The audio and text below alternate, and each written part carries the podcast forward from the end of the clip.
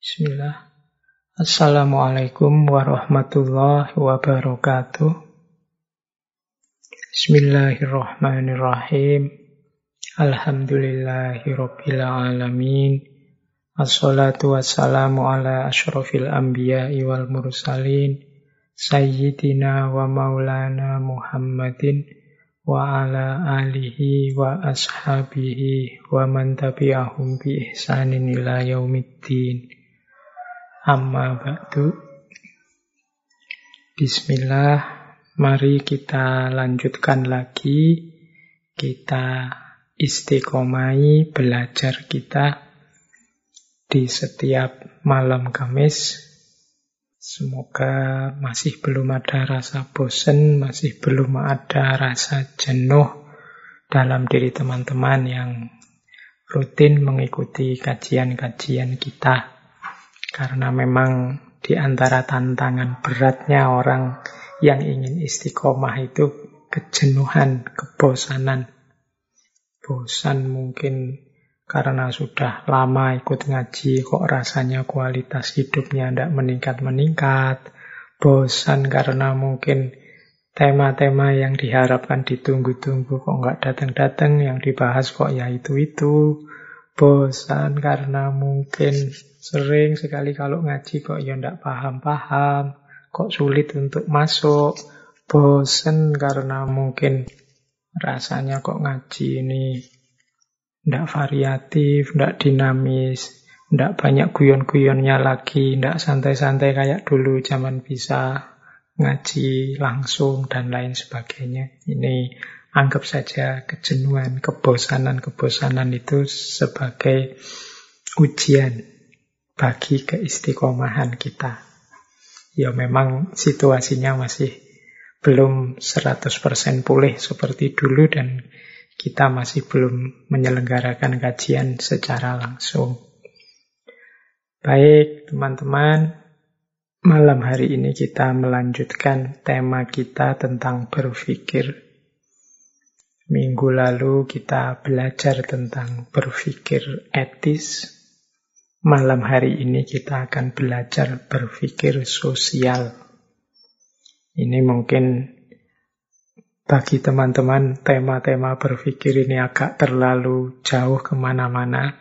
Tapi sebenarnya tema-tema berpikir yang bulan ini kita angkat, inilah perwujudan kalau saya bilang filsafat itu kan cinta kebijaksanaan.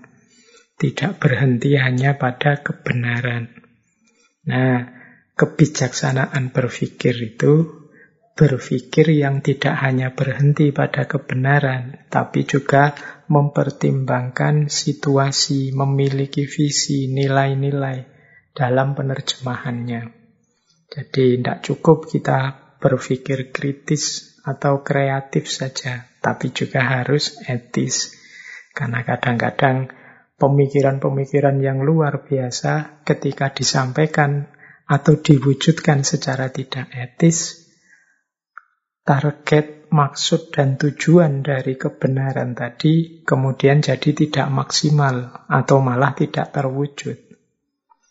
Berarti untuk bisa bijaksana kita tidak hanya dituntut berpikir kritis, kreatif, tapi juga berpikir etis. Nah, malam hari ini kita akan belajar lagi ternyata untuk bisa jadi bijaksana itu tidak cukup berpikir etis, tidak cukup berpikir kritis, kreatif, tapi juga berpikir sosial. Jadi kemampuan kita membaca realitas sosial dan bagaimana kita mendaya gunakan akal pikiran kita di tengah kehidupan masyarakat. Ya tujuannya sama karena yaitu agar kebenaran yang kita miliki, yang kita temukan itu bisa diterapkan secara tepat, secara maksimal kemanfaatannya di tengah masyarakat. Maka penting kita belajar cara berpikir sosial atau social thinking. Jadi berpikir secara berhadapan dengan orang lain. Ini istilahnya social thinking. Nah, bismillah ya kita belajar gimana sih social thinking itu, bagaimana kita belajar berpikir dengan mempertimbangkan hadirnya orang lain. Ya memang bulan ini isinya thinking-thinking. Semoga teman-teman tidak jadi overthinking. Kokean mikir. Ini teknis-teknis sebenarnya. Mari kita belajar Alhamdulillah kalau di bulan ini kita dapat beberapa keterampilan baru. Jadi cara mendayagunakan akal kita secara tepat. Kalau minggu lalu secara tepat dalam konteks etik, malam hari ini secara tepat dalam konteks sosial. Bismillah, kita awali. Kita awali dari definisi dulu ya, biar lebih mudah. Apa sih yang dimaksud social thinking itu? Social thinking atau berpikir sosial adalah proses intelijensi yang terjadi dalam diri kita yang memungkinkan kita bisa memahami sudut pandang, emosi, maksud, orang lain yang ada di sekeliling kita. Jadi jangan salah ya. Berarti berpikir sosial itu kemampuan kita mempertimbangkan orang lain. Sudut pandangnya, emosinya, mungkin cara berpikirnya, dan lain sebagainya. Prosesnya disebut proses intelijensi Mengapa sih Pak disebut proses intelijensi, kok tidak disebut saja proses rasional atau proses kerja akal? Karena yang bekerja, kalau kita masuk ke dunia sosial itu ya tidak hanya akal kita, tapi juga mungkin nurani kita, mungkin naluri kita, mungkin intuisi kita juga ikut bermain. Karena kita nanti akan berhadapan dengan manusia yang lengkap juga dia tidak hanya punya akal tapi juga punya nurani, punya naluri, punya imajinasi, punya intuisi dan lain sebagainya. Kita pun menangkapnya sesuai dengan kapasitas kita. Nah, semakin pandai kita berpikir sosial biasanya semakin mudah kita bergaul, berbaur di tengah masyarakat. Mengapa sih berpikir sosial itu penting? Yang pertama, karena saat kita berhubungan dengan orang, manusia itu kan makhluk sosial. Mau tidak mau, membutuhkan, memerlukan secara niscaya berhadapan dengan orang lain.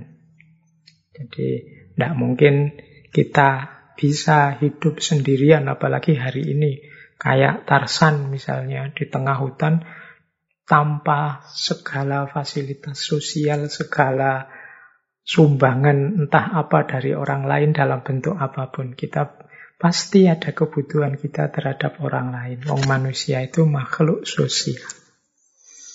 Nah, berarti apa? Kita dituntut untuk punya kemampuan menanggapi, punya kemampuan berpikir saat berhadapan dengan orang lain.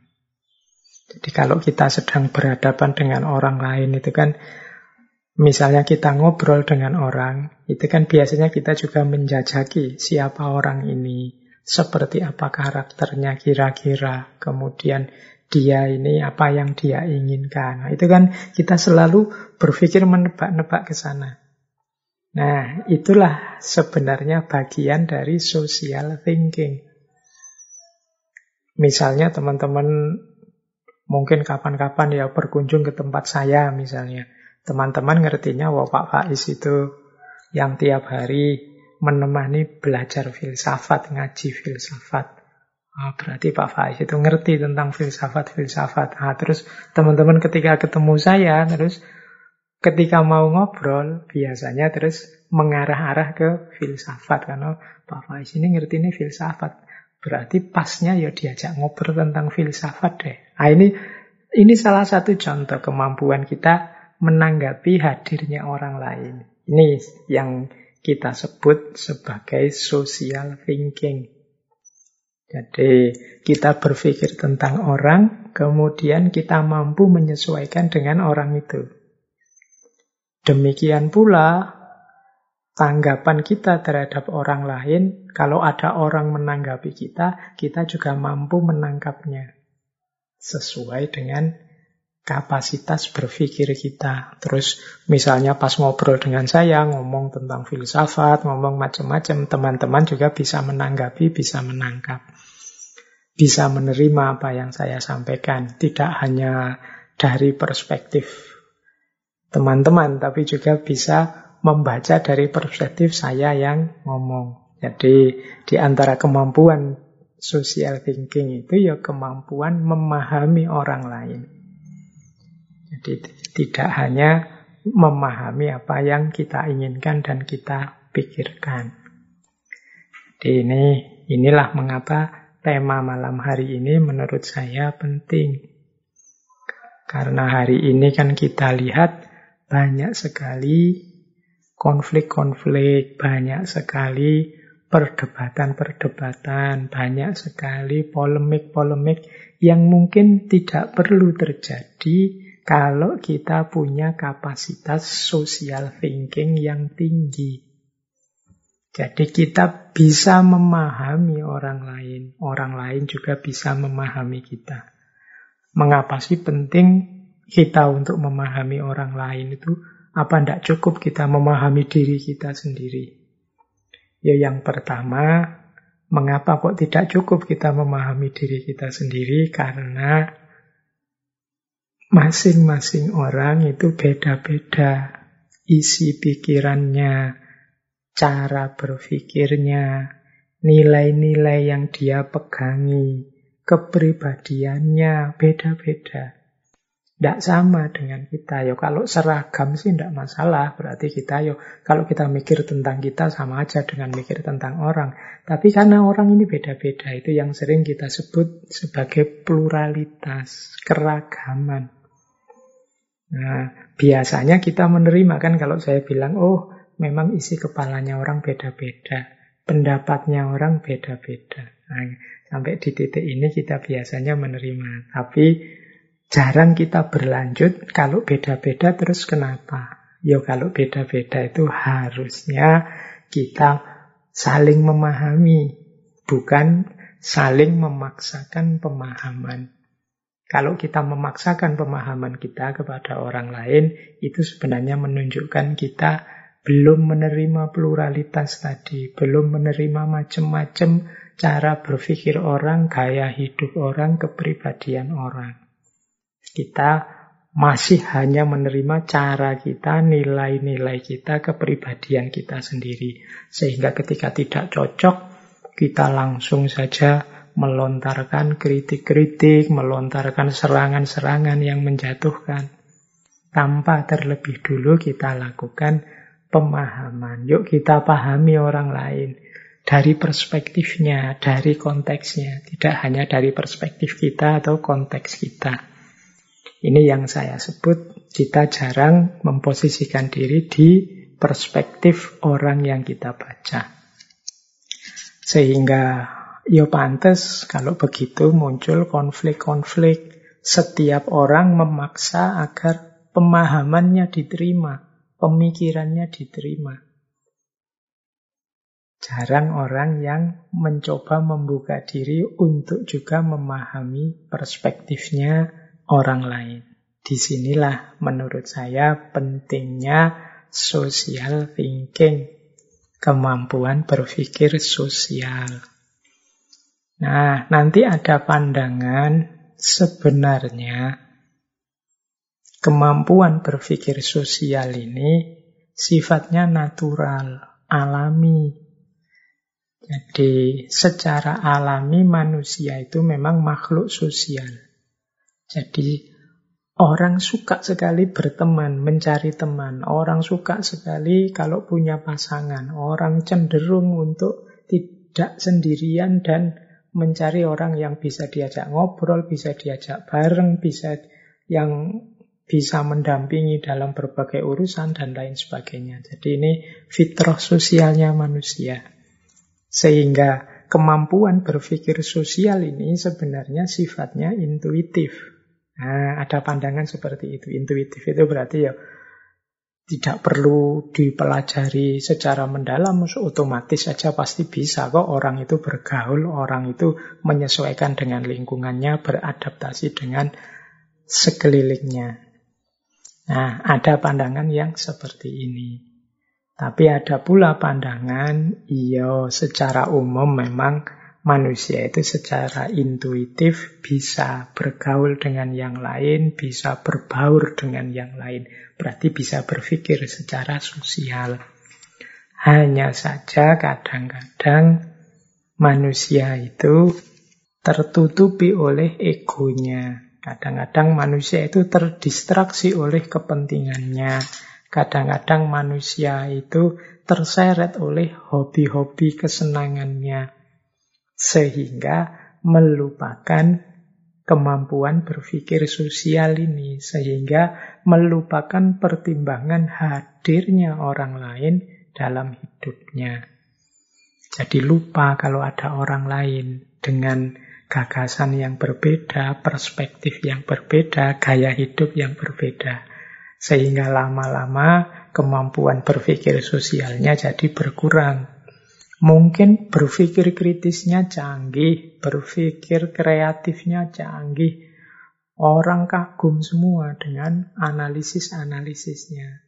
Tapi secara sosial dia kurang canggih secara penghargaan pada orang lain dia kurang bagus. Nah, ini yang saya sebut kemampuan berpikir sosialnya perlu ditingkatkan lagi. Baik, kita lanjutkan. Nah, itu perspektif kedua. Jadi ada yang menganggap ini alamnya, ada yang menganggap yo alamiah sih, tapi tetap harus diajarkan, dilatih biar jadi canggih.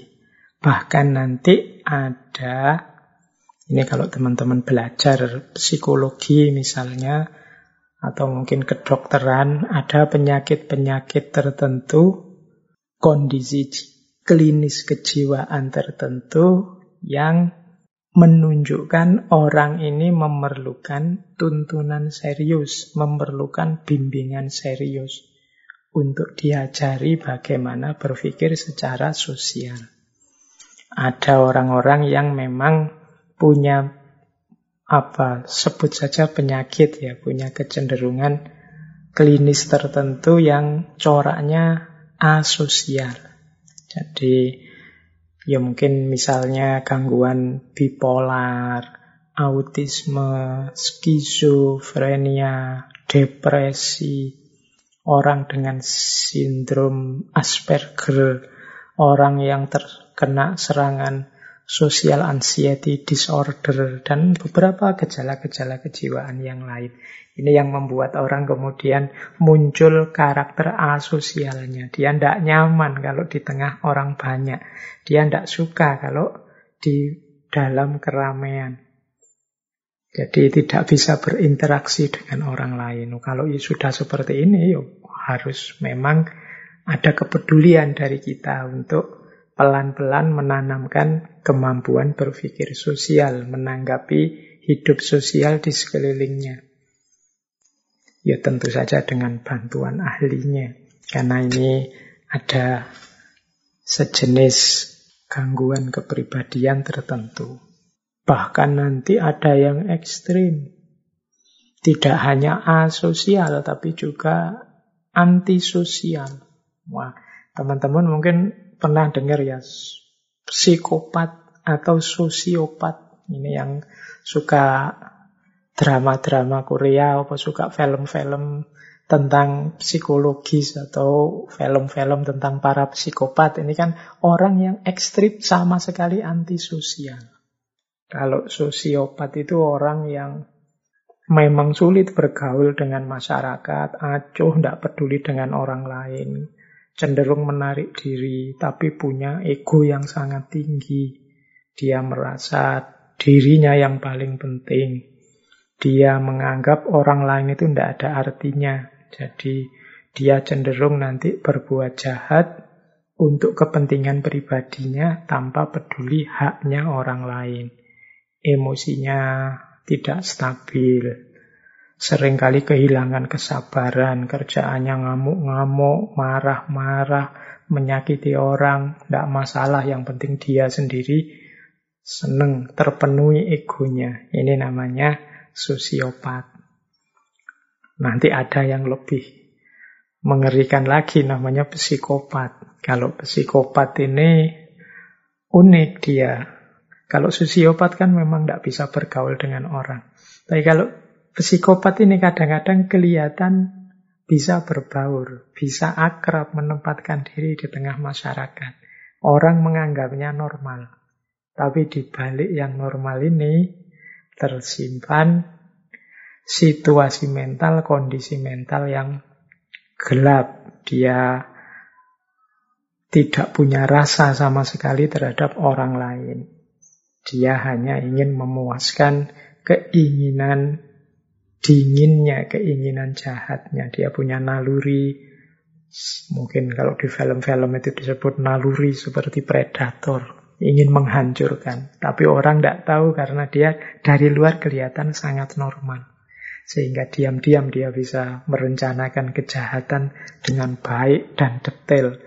Orang sulit mendeteksi siapa psikopat. Tapi kalau sosiopat ini biasanya kelihatan. Orangnya memang tidak bisa bergaul, merasa tinggi, egonya sangat tinggi, kadang-kadang melakukan kejahatan, hal-hal yang menyakiti orang lain, tapi dia tidak peduli. Yang penting dia puas. Nah, itu sosiopat.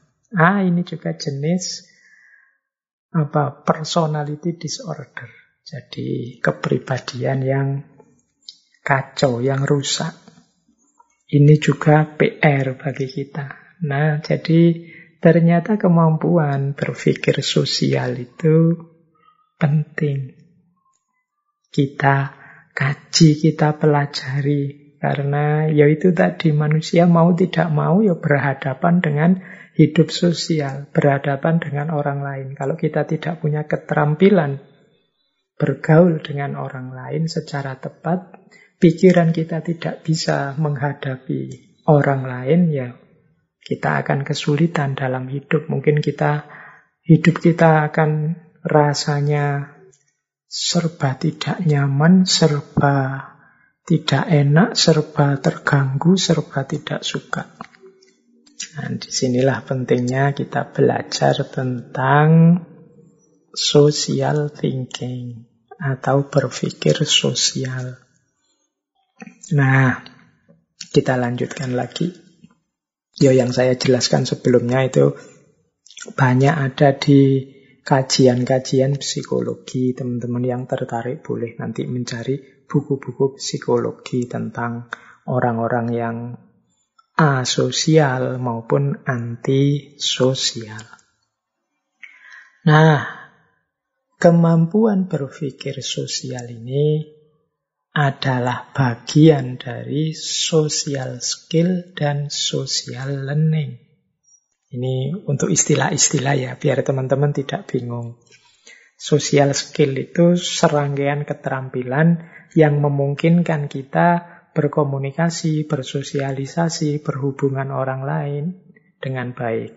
Ini namanya social skill, kemampuan hidup sosial. Isinya social skill itu macam-macam. Antara lain social thinking, kemampuan berpikir sosial. Nah, dari mana social thinking ini diperoleh, kemampuan berpikir sosial ini diperoleh? Antara lain dari social learning. Pembelajaran sosial. Jadi, pembelajaran sosial itu hal-hal yang kita pahami, kita terima, kita jadikan pedoman dari pengalaman kita sehari-hari berinteraksi dengan orang lain. Jadi itu namanya social learning kemampuan kita berpikir sosial itu banyak juga ditentukan oleh social learning kita. Semakin banyak pengalaman kita belajar bersama orang lain, biasanya kita semakin cerdas, semakin canggih cara berpikir sosialnya. Jadi Jadi secara istilah-istilah mungkin teman-teman biar tidak bingung ya social thinking, social learning, social skill.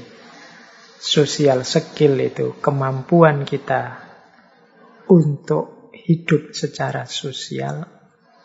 Social learning itu pelajaran-pelajaran yang kita dapat dari hidup secara sosial. Social thinking itu kemampuan kita berpikir menghadapi hidup sosial atau menghadapi orang lain. Jadi mudahnya itu biar tidak keselip-selip istilahnya. Baik, kita lanjutkan. Wah, di sini sedang gerimis hujan. Semoga suaranya tidak mengganggu teman-teman. Tidak apa-apa. Semoga suara saya masih jelas juga. Baik, kita lanjutkan.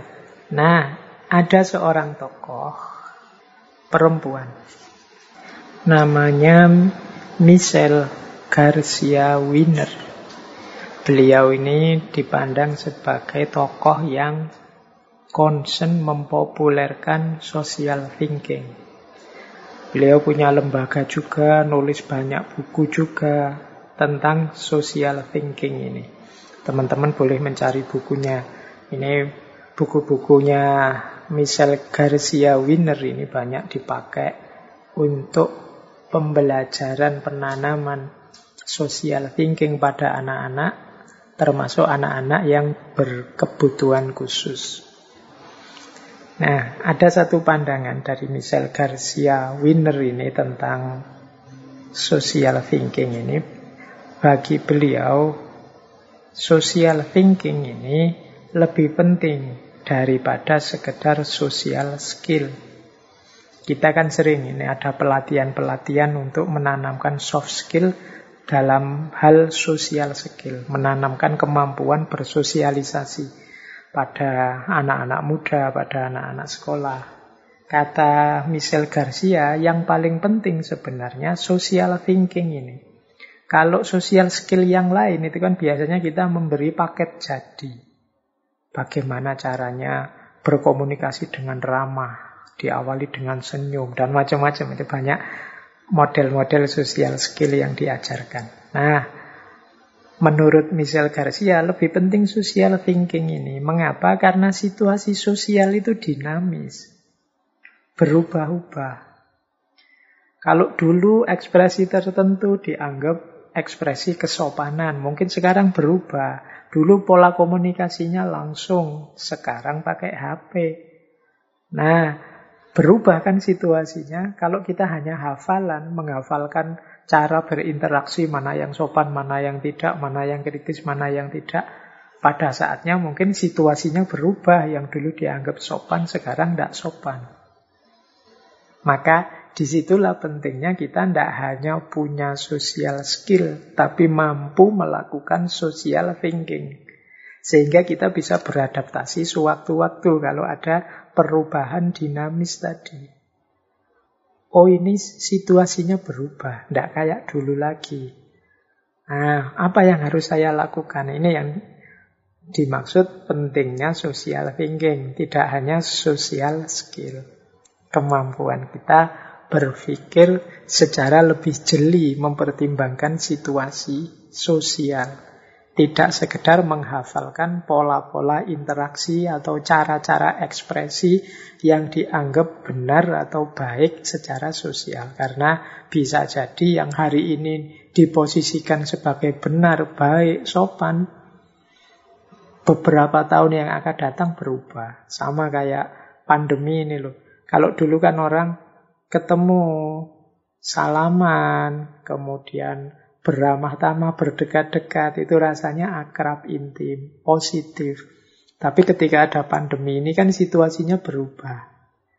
Nah, kalau ketemu malah ambil jarak, jangan dekat-dekat, mulutnya malah ditutup. Kalau dulu kita ngomong sambil mulutnya ditutup mungkin dianggap tidak sopan. Tapi sekarang justru lebih amannya ditutup. Nah, untuk bisa menanggapi ini sebagai sebuah keniscayaan yang mengubah paradigma yang lama jadi paradigma yang baru itu kan kita punya kemampuan social thinking, berpikir sosial, tidak sekedar menghafalkan social skill. Nah ini pandangannya Michel Garcia tadi. Maka penting kita tidak hanya memahami bagaimana cara berinteraksi yang baik dan benar atau social skill, tapi juga bagaimana cara kita untuk berpikir sosial. Kita berpikir mempertimbangkan situasi dan kehadiran orang lain. Oke, baik. Jadi itu tentang pengertian dan dasar-dasarnya social skill. Kita lanjutkan. Ini referensi kita malam hari ini memang banyak mengambil dari bukunya Michel Garcia Winner tadi. Nah, seperti apa sih keterampilan-keterampilan pokok, keterampilan berpikir yang utama dalam hal social thinking atau berpikir sosial ini ada rumusnya ternyata. Rumusnya berpikir sosial itu adalah I love. Love tertawa ya, bukan love cinta.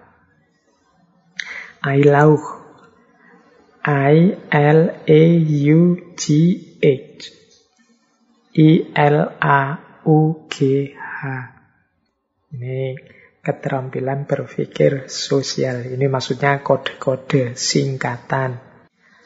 I itu singkatan initiating. L itu listening with eyes and brain. A itu abstracting and inferencing. U itu understanding perspective, G itu getting the big picture, H itu humor. Nah, kita bahas satu-satu ya.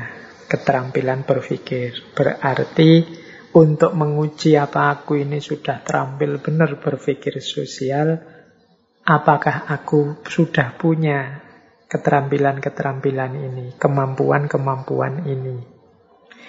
Yang pertama, seseorang disebut mampu berpikir sosial kalau dia mampu menggunakan bahasa yang bisa dipahami orang lain dalam berkomunikasi, baik untuk meminta bantuan maupun mencari informasi. Jadi inisiatif itu berarti ketika dia berinisiatif menyampaikan sesuatu, berinisiatif menanyakan sesuatu atau mencari informasi tertentu kepada orang lain, dia mampu melakukannya. Dan orang lain paham. Nah ini berarti kita sudah punya prasyarat pertama. Bisa bertanya yang bisa dipahami orang, bisa berkomunikasi, menyampaikan sesuatu, menanyakan sesuatu yang bisa dipahami orang. Itu inisiatif bisa berinisiasi, menyampaikan aspirasinya dan dipahami orang. Oh ini tidak sederhana loh, rasanya kok mudah. Ya memang secara umum mudah, tapi kadang-kadang kita juga kesulitan. Dalam momen tertentu, situasi tertentu, kita sering tidak mampu untuk mengekspresikan keinginan kita. Jadi tidak mampu menggunakan bahasa yang bisa dipahami orang. Itu kadang-kadang kita menyampaikannya terus jadi bulat, ruwet, ada E-nya banyak setiap kali ngomong eh eh atau diulang-ulang atau diembel-embeli maksud saya begini loh. Maksud saya begini loh. Nah, itu berarti kita kurang canggih cara menyampaikannya. Kalau orang sudah canggih, itu ngomong satu dua kalimat orang lain sudah paham. Tapi kalau harus dijelentrehkan lagi, diuraikan lagi dengan kayak tadi maksud saya, maksud saya. Itu mungkin kita perlu latihan lagi. Itu bagian dari keterampilan berpikir sosial. Jangan dikira mahasiswa-mahasiswa pinter, profesor, dokter yang luar biasa itu sudah sangat canggih di level ini. Kadang-kadang ya mereka-mereka itu ada kesulitan tersendiri untuk menyampaikan apa yang ingin mereka sampaikan ke tengah masyarakat. Mungkin karena terlalu tingginya wawasannya atau terlalu dalamnya filsafat-filsafatnya. Jadi ketika menyampaikan ke masyarakat, ya masyarakat hanya melongo saja, tidak paham. Ini orang ini ngomong apa, ingin menyampaikan apa, mereka hanya tolah-toleh saja. Kadang-kadang kalau ada situasi kayak gini kan yang kita salahkan masyarakatnya. Wah, dasar masyarakat tidak pinter, dasar masyarakat kelas rendah, masyarakat kurang pendidikan, dan lain sebagainya. Jangan-jangan yang salah kita. Kita yang tidak mampu mengemas ide, mengemas gagasan yang bisa diterima oleh pikiran mereka. Harusnya kita yang terdidik, yang bersusah payah menyesuaikan dengan kemampuan berpikir mereka. Ya terbalik kalau mereka yang pendidikannya tidak tinggi, kita paksa menyesuaikan dengan kapasitas berpikir kita. Berarti yang harus susah payah ya harusnya kita. Logika sederhananya kan begitu. Tapi kadang-kadang banyak orang-orang pinter yang hasilnya hanya membuat orang bingung, membuat orang tolah-toleh, tidak paham, iki karpe opo yo, iki maksudnya apa yo. Nah itu yang Ciri pertama orang mampu berpikir sosial. Ya, ini mungkin kita yang mahasiswa, teman-teman yang mahasiswa itu kan sering mengalami seperti ini. Setelah kuliah di kota, terus pulang ke kampung, sekarang bahasanya sudah tinggi-tinggi. Orang-orang di kampung, orang tuanya tidak paham. Kalau ngomong sekarang ada eksistensi lah, paradigma lah, kondisional, prasyarat eksistensial dan lain sebagainya. Itu gaya mahasiswa di kampus dibawa ke kampung. Akhirnya orang kampung tidak paham, tidak nyambung sama dia. Susahlah dia setiap kali bergaul di tengah masyarakat. Jadi kemampuan social thinkingnya perlu di-upgrade sebenarnya. Karena dia hidup di tengah masyarakat harus mampu mempertimbangkan situasi masyarakatnya. Nah, ini penting mungkin. Aspek yang pertama ini, initiating. Kita juga harus belajar. Karena kalau kita tidak mampu di yang pertama ini, setinggi apa pun wawasan kita, setinggi apa pun ilmu yang kita miliki, manfaatnya jadinya minimal kalau kita tidak bisa menyampaikannya, menyebarkannya. Mungkin ilmu yang kita miliki manfaat, tapi hanya untuk kita saja. Sementara maslahatnya untuk masyarakat secara umum jadi berkurang. Karena kita tidak mampu menyampaikannya dengan tepat, dengan bahasa yang bisa dipahami. Nah ini harus latihan teman-teman semua untuk mampu menyampaikan dengan bahasa yang bisa dipahami. Ini keterampilan yang pertama. Keterampilan kedua, listening with eyes and brain. Kemampuan untuk mendengarkan dengan mata dan otak, dengan akal. Maksudnya apa? Mampu berkonsentrasi menanggapi secara serius kalau ada orang yang berkata-kata. Meskipun mungkin kita tidak tertarik dengan apa yang dia sampaikan. Nah, itu namanya listening with eyes and brain. Jadi sering nanti ketika kita berinteraksi dengan orang lain, kita itu ketemu orang-orang yang mungkin ngomongnya banyak, senang menyampaikan macam-macam. Tapi kita tidak terlalu tertarik dengan yang dia sampaikan. Mungkin karena kita sudah tahu, mungkin karena menurut kita tidak penting, mungkin karena kita menganggap itu tidak ada hubungannya dengan kita. Tapi orang yang punya keterampilan berpikir tinggi, itu apa pun yang disampaikan orang di depannya, dia tetap secara serius berkonsentrasi dan menanggapi. Nah, ini yang kedua, listening with eyes and brain. Mungkin ini seperti kebalikannya yang pertama tadi. Kita di posisi orang yang sedang diceramai atau diajak ngobrol orang yang ngomong alur ngidul nggak karu-karuan. Nah, Di antara cirinya kita punya kemampuan sosial yang tinggi adalah kita tetap masih tahan untuk berkonsentrasi, berusaha memahami, menanggapi apa yang disampaikan orang lain itu meskipun kita tidak tertarik atau menurut kita tidak penting. Dan itu tidak hanya dalam pikiran, tapi juga kelihatan di gestur kita mata kita masih fokus pada dia yang menyampaikan. Gerak tubuh kita itu menunjukkan kita tetap perhatian padanya. Pikiran kita juga fokus pada yang dikatakannya. Nah, ini termasuk jenis keterampilan berpikir sosial juga. Jadi listening with eyes and brain. Kita mendengarkan tidak hanya dengan telinga, tapi juga dengan mata, tapi juga dengan pikiran. Jadi ya kalau telinga kan otomatis terdengar. Eh, kadang-kadang ada orang itu karena tidak tertarik terus matanya nengok kiri, nengok kanan. Tampak sekali kalau dia tidak minat, tidak tertarik. Atau orang ngomong panjang lebar, kita males menangkap, tidak mau menangkap sama sekali. Sehingga kadang-kadang kalau sudah selesai orang ngomong, dia minta tanggapan kita, terus jawaban kita, tadi ngomong apa? Tadi maksudnya apa? Apa sih yang kamu sampaikan tadi? Oh, dan macam-macam yang sejenis itu. Itu menunjukkan kita tidak punya keterampilan yang kedua tadi. Listening with eyes and brain. Ini selain keterampilan berpikirnya juga menunjukkan kita tidak punya kemampuan respect pada orang lain.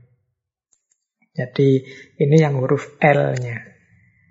Jadi penting nanti bagi teman-teman untuk Demi kehidupan sosial yang nyaman, di antara kapasitas berpikir sosial kita adalah mampu listening with eyes and brain. Yang ketiga, abstracting and inferencing. E. Kemampuan berabstraksi dan merujuk inferencing.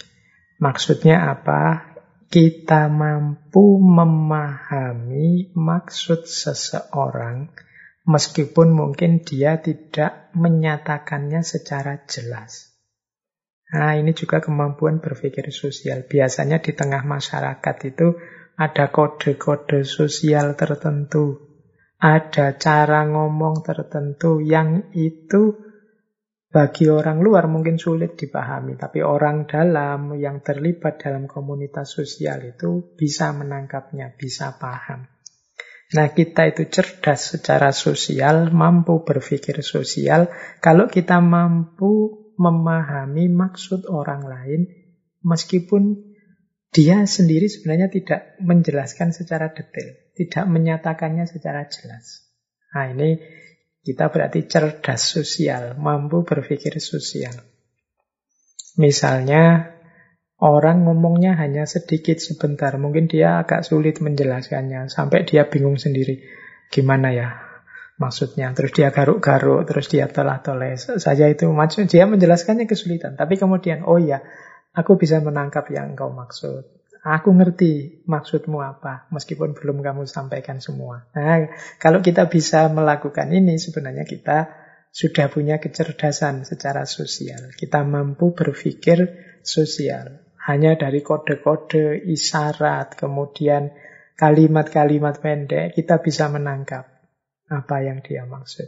Kadang-kadang mungkin dari hanya sedikit gerakan, kita mampu menangkapnya karena kita bagian dari komunitas sosial itu sehingga kita cerdas kalau di lingkup sosial kita. Nah, ini abstracting and inferencing. Jadi kemampuan kita untuk memahami meskipun tidak dinyatakan secara jelas karena banyak orang yang tidak mampu menjelaskannya secara detail. Dia hanya bisa menjelaskan dengan kode-kode tertentu yang selama ini mungkin disepakati dalam konteks sosial di sana. Nah, kita bisa menangkap itu berarti kita punya keterampilan berpikir sosial yang bagus. Yang keempat, you, you yaitu understanding perspective. I love tadi sekarang huruf keempat. Understanding perspective itu kita disebut cerdas secara sosial kalau kita mampu memahami sudut pandang kita sendiri dan sudut pandang orang lain. Ini yang disebut understanding perspektif.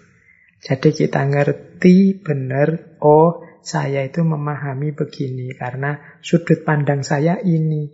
Sementara orang itu memahaminya begitu karena dia sudut pandangnya itu.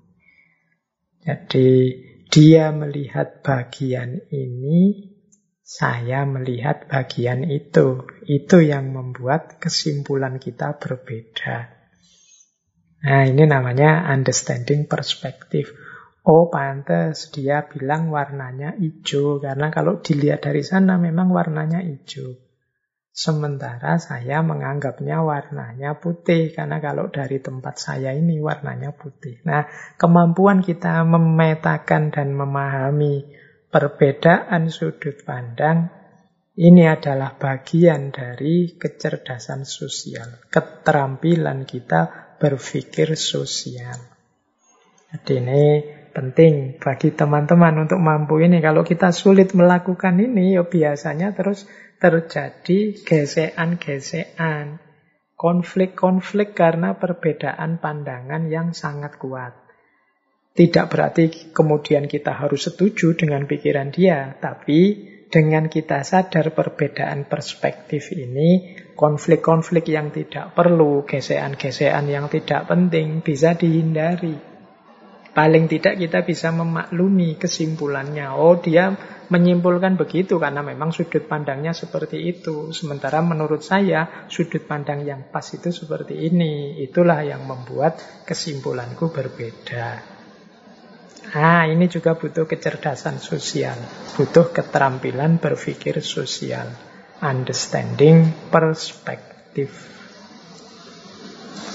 Kemudian yang kelima huruf G. Huruf G ini artinya getting the big picture. Bagaimana kita memahami secara umum. Bagaimana kita memahami secara utuh. Getting the big picture itu kita pahami maksud umumnya apa sih. Yang penting-penting kita ambil, yang tidak penting kita lewatkan saja.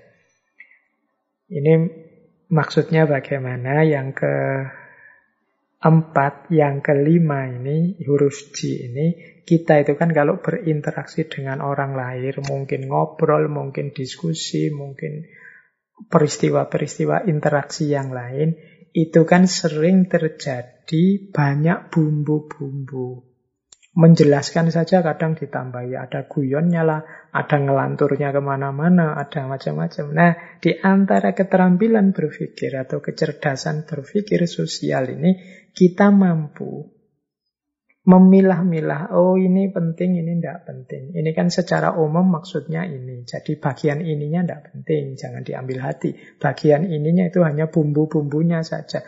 Kalau ini ilustrasi-ilustrasi, mungkin ada yang tidak cocok, tapi yang penting kan maksudnya itu. Nah, itu namanya getting the big picture.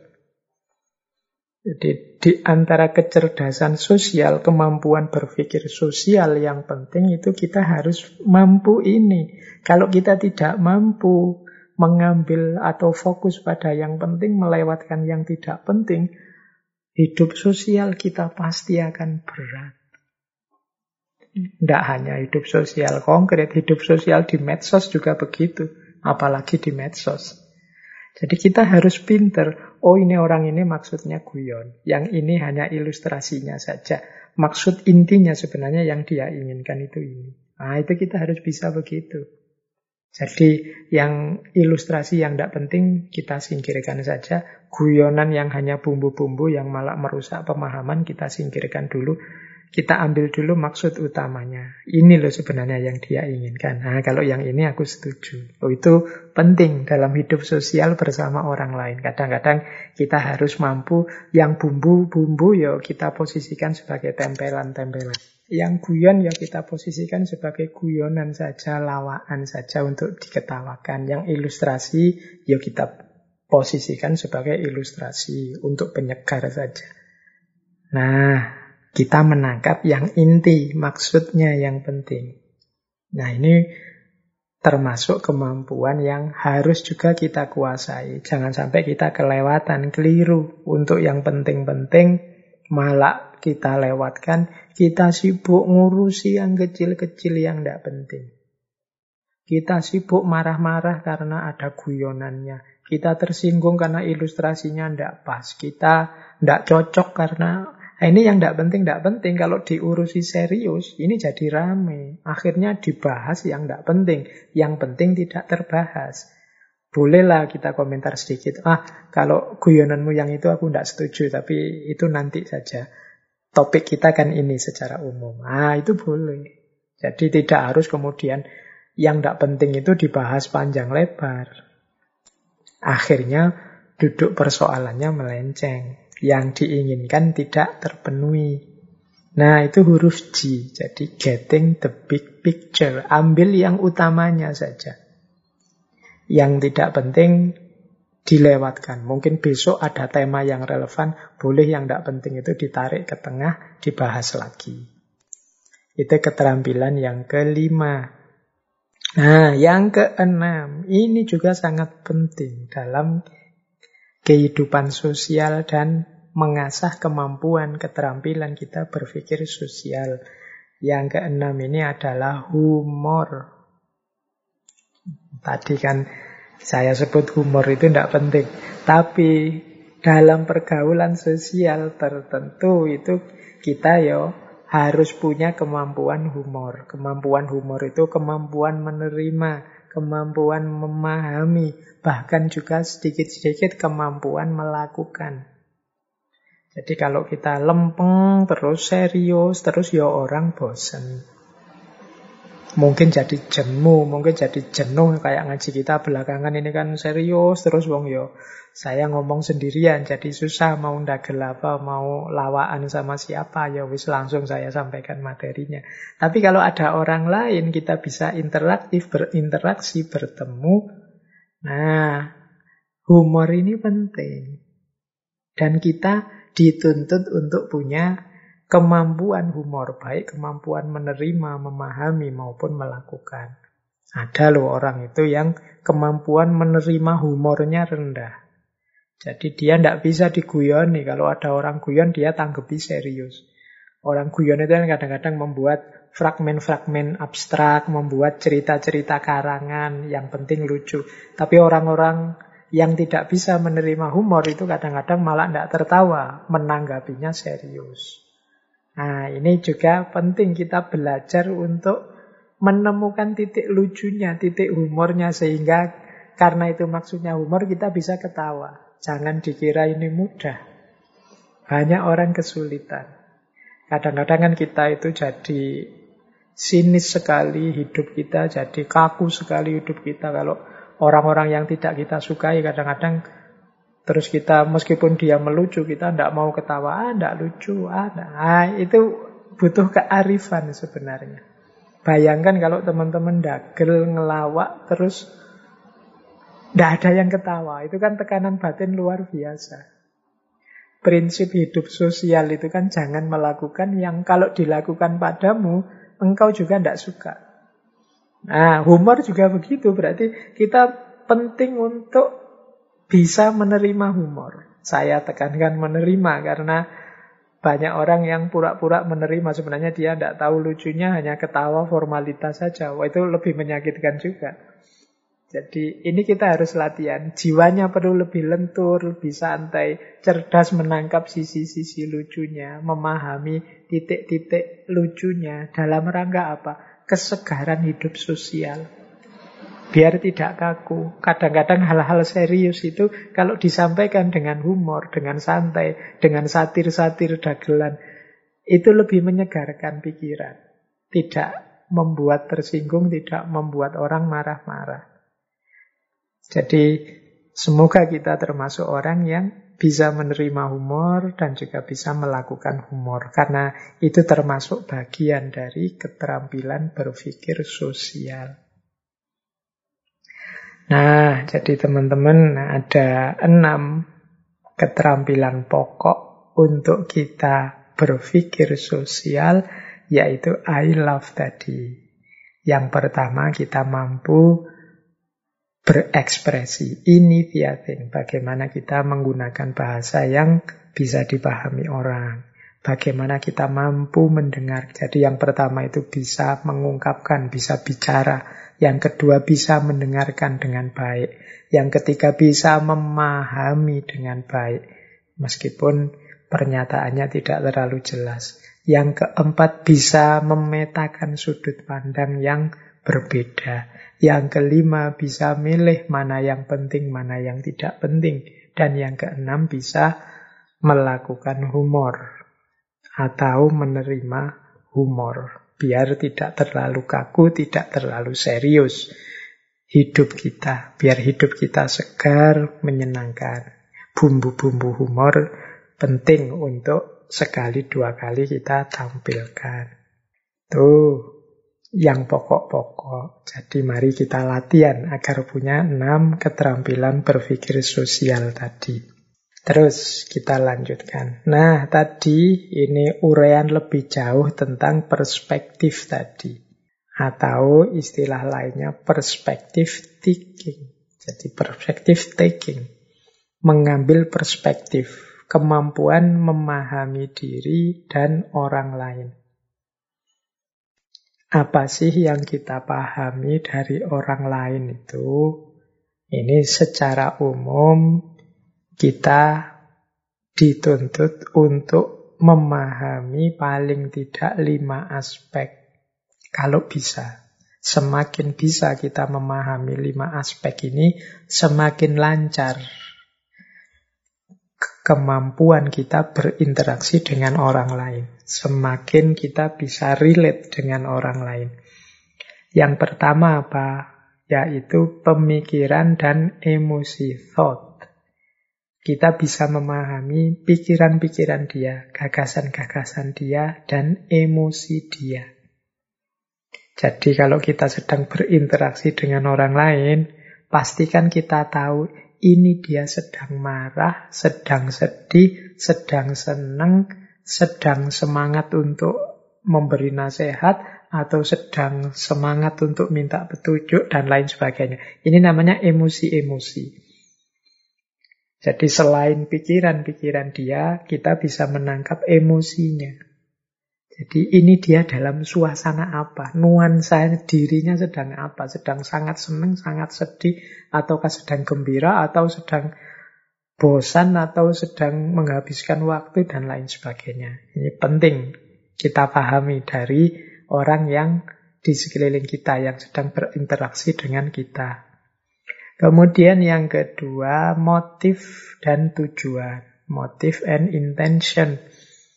Orang ini maunya apa sih? Inginnya apa? Nah, itu harus juga kita pegang. Karena yo interaksi antara dua orang itu kan selalu ada tujuannya. Inginnya apa? Oh enggak kok ini dia ngobrol sama aku ini sebenarnya untuk menghabiskan waktu saja. Oh dia ini ingin mendapatkan petunjuk. Oh dia ini sebenarnya hanya ingin punya teman baru aja. Oh dia ini sebenarnya hanya ingin nambah kolega saja dan lain sebagainya. Nah ini penting kita pahami. Alhamdulillah kalau kita bisa masuk ke tiga aspek selanjutnya. Yaitu yang pertama apa? Prior knowledge atau experiences. Jadi pengalaman-pengalaman dia sebelumnya. Orang ini seperti apa sih? Dia sudah pernah mengalami apa saja? Itu penting. Kalau kita ngobrol sama orang, berinteraksi sama orang lain, kemudian kita tahu siapa dia, dia pernah mengalami apa saja dalam hidupnya. Itu kan nanti menentukan cara kita bersikap, berekspresi di hadapan dia. Secara lebih hati-hati, biar tidak keliru, biar tidak salah. Nah, itu namanya prior knowledge. Kita tahu, oh orang ini dulu pernah mengalami kejadian luar biasa, misalnya keluarganya mengalami bencana ini sehingga dia ini sekarang jadi orang yang agak murung. Nah ini kalau kita lebih punya data ini akan lebih nyaman kita berinteraksi. Sehingga mungkin dalam berkomunikasi kita bisa menghindari hal-hal yang tidak mengenakkan dan bisa menjaga kenyamanan kita bersama dia. Nah, itu yang ketiga, experiences. Yang keempat, belief. Prinsip-prinsip hidupnya. Termasuk mungkin agamanya. Meskipun ini sebenarnya kadang jadi urusan yang sangat privat. Tapi kita tahu juga lebih nyaman dalam bergaul, dalam berinteraksi. Karena kalau kita tahu kan bisa menjaga.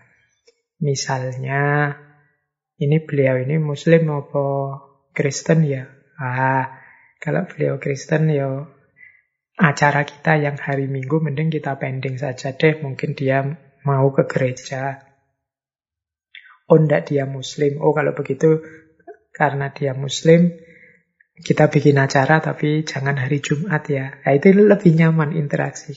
Identitas yang jelas. Ini menurut saya penting juga identitas yang jelas itu. Meskipun bagi banyak orang memang kadang-kadang ini urusan yang privat tidak perlu ditampak-tampakkan. Ya, tapi dalam konteks tertentu pergaulan kadang-kadang kita tahu dia ini siapa, agamanya apa, kelompoknya apa, alirannya apa, itu memudahkan kita bersikap biar tidak keliru, biar kita bisa menghargai dia, tidak menyinggung dia. Nah, ini dalam perspektif ini menurut saya juga ada pentingnya kita tahu beliefnya, prinsip-prinsip hidup termasuk agamanya, bahkan mungkin termasuk organisasinya.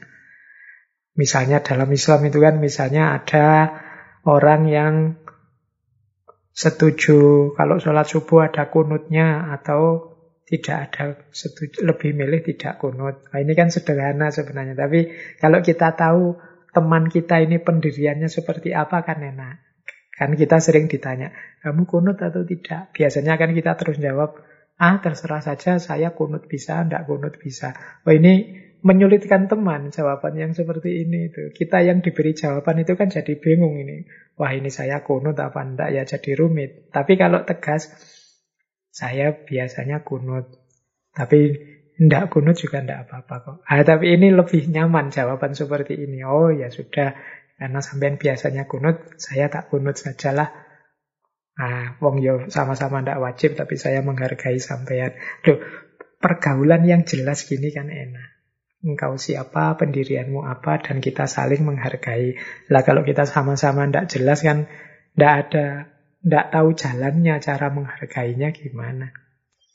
Jadi itu penting dalam berpikir sosial. Kalau bisa, karena memang dalam kondisi tertentu kita sulit untuk masuk ke ranah privatnya orang. Dan yang terakhir juga penting personality personality ini kepribadian. Yo kalau kita tahu orang ini kepribadiannya gimana ya, mudah marah atau sabar atau ini orang ini tegas ataukah orang ini santai. Nah, kalau tahu kan enak. Cara menyikapi di memposisikan diri kita di hadapannya kan enak. Jadi karena memang pergaulan yang baik, berpikir sosial yang tepat, itu semakin banyak variabel orang-orang di sekeliling kita yang kita tahu, kesimpulan-kesimpulan yang kita tarik dari pemikiran sosial kita akan jauh lebih tepat. Kita akan lebih pas memahami orang lain. Ya termasuk memahami diri kita sendiri. Sebelum memahami orang lain kan memang jalannya memahami diri kita sendiri. Jadi kita siapa, dia siapa, itu penting. Setelah jelas aku siapa, dia siapa, tinggal kita atur bagaimana sih jalan kita untuk saling menghormati, saling menghargai, bekerja sama mewujudkan ideal cita-cita kita bersama. Baik, jadi itu perspektif taking. Jadi bagaimana kita mengambil perspektif. Kalau kita tahu hal-hal lima tadi, kita sekarang bisa memahami sudut pandang orang yang berinteraksi dengan kita. Kita paham pikiran-pikiran dan emosinya, kita paham motif dan tujuannya, kita paham pengalaman-pengalaman dia sebelumnya, prinsip-prinsip kepercayaannya, dan juga kepribadiannya. Baik, ambil nafas sebentar. Mungkin teman-teman ingin minum dulu atau ingin ngapain dulu silahkan.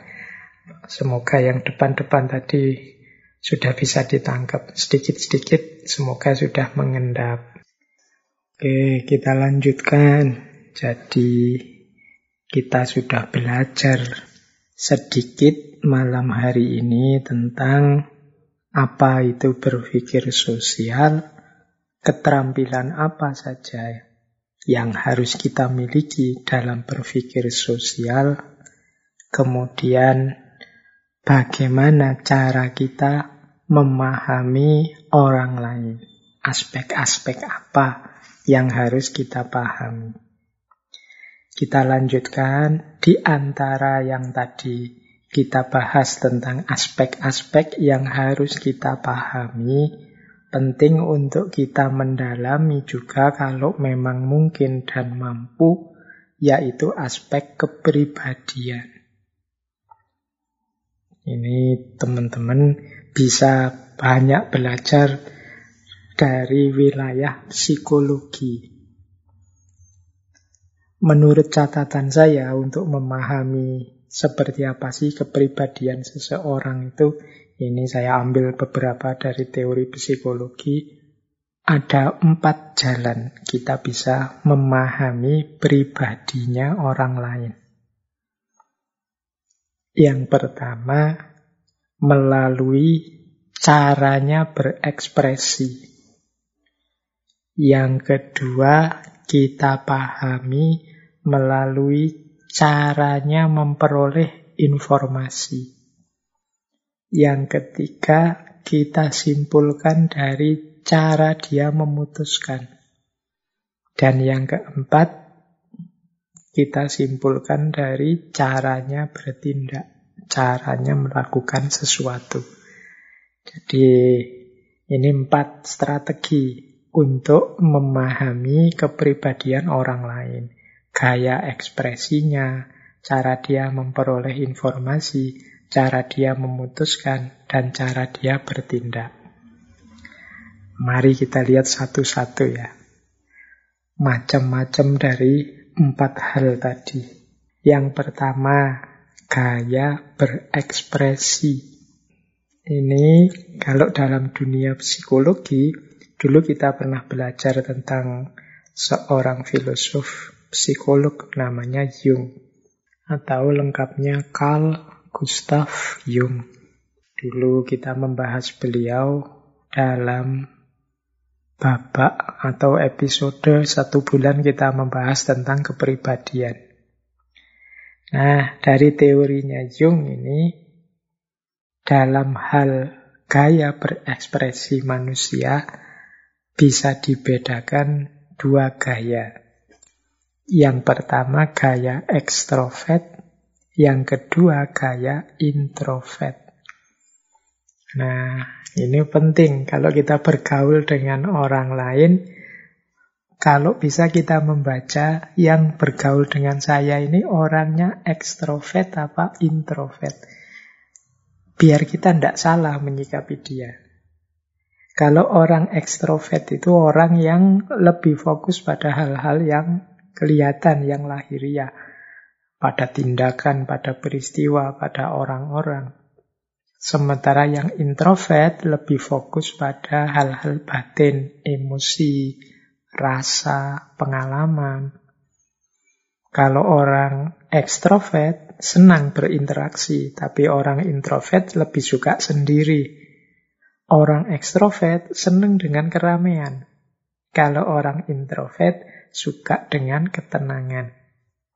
Nah, ini kan berarti kalau kita tahu, oh orang ini introvert. Jangan diajak keluar-keluar lama-lama. Dia tidak suka pada keramaian-keramaian. Kalau ngajak jalan yo, yang arahnya menuju ketenangan, kedamaian, mungkin di tempat-tempat yang tidak terlalu ramai, yang sifatnya kontemplatif dan lain sebagainya. Kalau orang introvert, Kalau orang ekstrovert ya tidak masalah kita ajak ke keramaian, kita ajak bertemu orang banyak dan lain sebagainya. Nah ini perlu kecerdasan kita menyikapi lawan komunikasi kita. Kalau orang ekstrovert lebih suka aksi, kalau yang introvert lebih suka refleksi. Nah ini juga penting kita pahami. Jadi mungkin kalau kegiatan-kegiatan lapangan yang rame, yang ketemu banyak orang, ini lebih asik kalau ngajak orang ekstrovert. Tapi kalau kegiatannya sarasehan, diskusi, pendalaman-pendalaman, nah orang introvert mungkin lebih asik. Kalau orang ekstrovert itu lebih fokus pada keluasan. Sementara orang introvert itu lebih fokus pada kedalaman. Orang ekstrovert lebih suka didengar dan dilihat. Sebaliknya orang introvert mungkin lebih suka melihat dan mendengar saja. Nah ini kan berbeda. Jadi kalau kita mengamati gaya berekspresi teman kita, orang-orang sekeliling kita, saudara kita, atau siapa pun, bisa kita pahami kepribadiannya paling tidak dari dua kategori ini. Nah, kalau kita sudah paham, kita bisa mencari yang cocok dengan tipe-tipe ini. Oh, adikku yang nomor sekian ini agak introvert. Berarti kalau tak ajak jalan, lebih suka ke mungkin gunung-gunung yang sepi, atau laut-laut yang tidak terlalu ramai. Sementara adikku yang ini, dia ekstrovert, ekspresif. Mungkin dia suka kalau ke taman bermain yang rame atau ke alun-alun atau ke mana. Nah ini salah satu jalan bagi kita untuk memahami kepribadian. Gaya ekspresi. Apakah ekstrovert atau introvert. Jalan memahami kepribadian yang lain dalam rangka agar kita cerdas secara sosial, berpikir sosial yang canggih adalah kalau mampu, mari kita gali bagaimana cara orang-orang sekeliling kita, teman kita, atau siapa saja, cara dia memperoleh informasi. Jadi, cara dia memperoleh pengetahuan. Dia ini dapat pengetahuan banyak dari mana. Nanti ada dua gaya, dua jenis. Kalau tadi ekstrovert, introvert, kalau cara memperoleh informasi ini ada dua jenis, yaitu sensing dan intuiting. Jadi kalau sensing itu mungkin memahami secara materi, pemahaman berdasarkan yang kelihatannya saja pakai panca indera. Kalau intuiting itu memahami dengan intuisi, dengan inspirasi, dengan imajinasi. Kalau yang sensing ini mengandalkan yang kelihatan, panca indera. Fokusnya pada masa kini, jadi yang sekarang kelihatan. Kalau intuiting itu biasanya fokusnya pada masa depan, ide-ide kemungkinan-kemungkinan yang bisa terjadi. Kalau orang dengan gaya sensing itu biasanya fokus memperhatikan detail kecil-kecil yang tampak-tampak. Jadi teliti sekali. Mungkin ada keliru-keliru dikit yang bisa dicari, dia akan kelihatan. Tapi orang intuiting itu lebih suka melihat secara umum, general. Lebih fokus pada kesan-kesan awal, kesan umum yang ada apa. Jadi dia kurang memperhatikan detail. Tapi dia lebih mengarah pada perspektif-perspektif. Kalau orang sensing suka dengan yang praktis, practical yang bisa dijalankan. Kalau orang intuiting lebih suka inovasi-inovasi, membuat baru. Orang sensing lebih suka konsistensi, menjalankan tradisi yang selama ini berjalan, aturan yang sudah disepakati bersama. Ini gaya sensing. Tapi gaya intuiting lebih suka mencari kesempatan, peluang baru, inovasi-inovasi baru. Nah, ini dua gaya yang berbeda. Saya tidak menyebut mana yang baik, mana yang buruk. Dua-duanya baik. Hanya saja berbeda. Beda cara memperoleh informasi. Beda ini kalau dalam bahasa filsafat ini perbedaan epistem. Jadi perbedaan cara memperoleh pengetahuannya. Yang satu gaya sensing, yang satu gaya intuiting. Ya kita akan menyikapi dua gaya ini secara pastinya berbeda. Yang satu lebih suka inovasi, yang satu lebih suka patuh aturan menjalankan norma-norma yang sudah ada. Oh, ini kan beda. Jadi sikap kita pun nanti harusnya beda menghadapi dua orang ini. Kalau orang yang sukanya intuiting, mencari kesempatan, peluang inovasi baru, kok kita paksa agar patuh pada aturan, konsisten, jangan berpikir macam-macam, dia akan sangat tersiksa. Kalau seperti itu kayak kita di depan dia, ya itu namanya kita tidak cerdas secara sosial. Tidak mampu berpikir sosial dengan baik.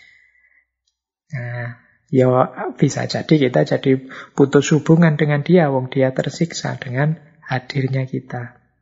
Itu yang kedua. Yang ketiga, cara memutuskan. Jadi cara mengambil keputusan. Ini juga ada dua gaya. Gaya yang pertama, gaya thinking, berpikir.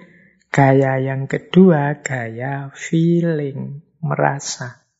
Orang yang thinking itu kalau memutuskan sesuatu lebih banyak pakai logika. Dia berpikir objektif melakukan analisis-analisis logis.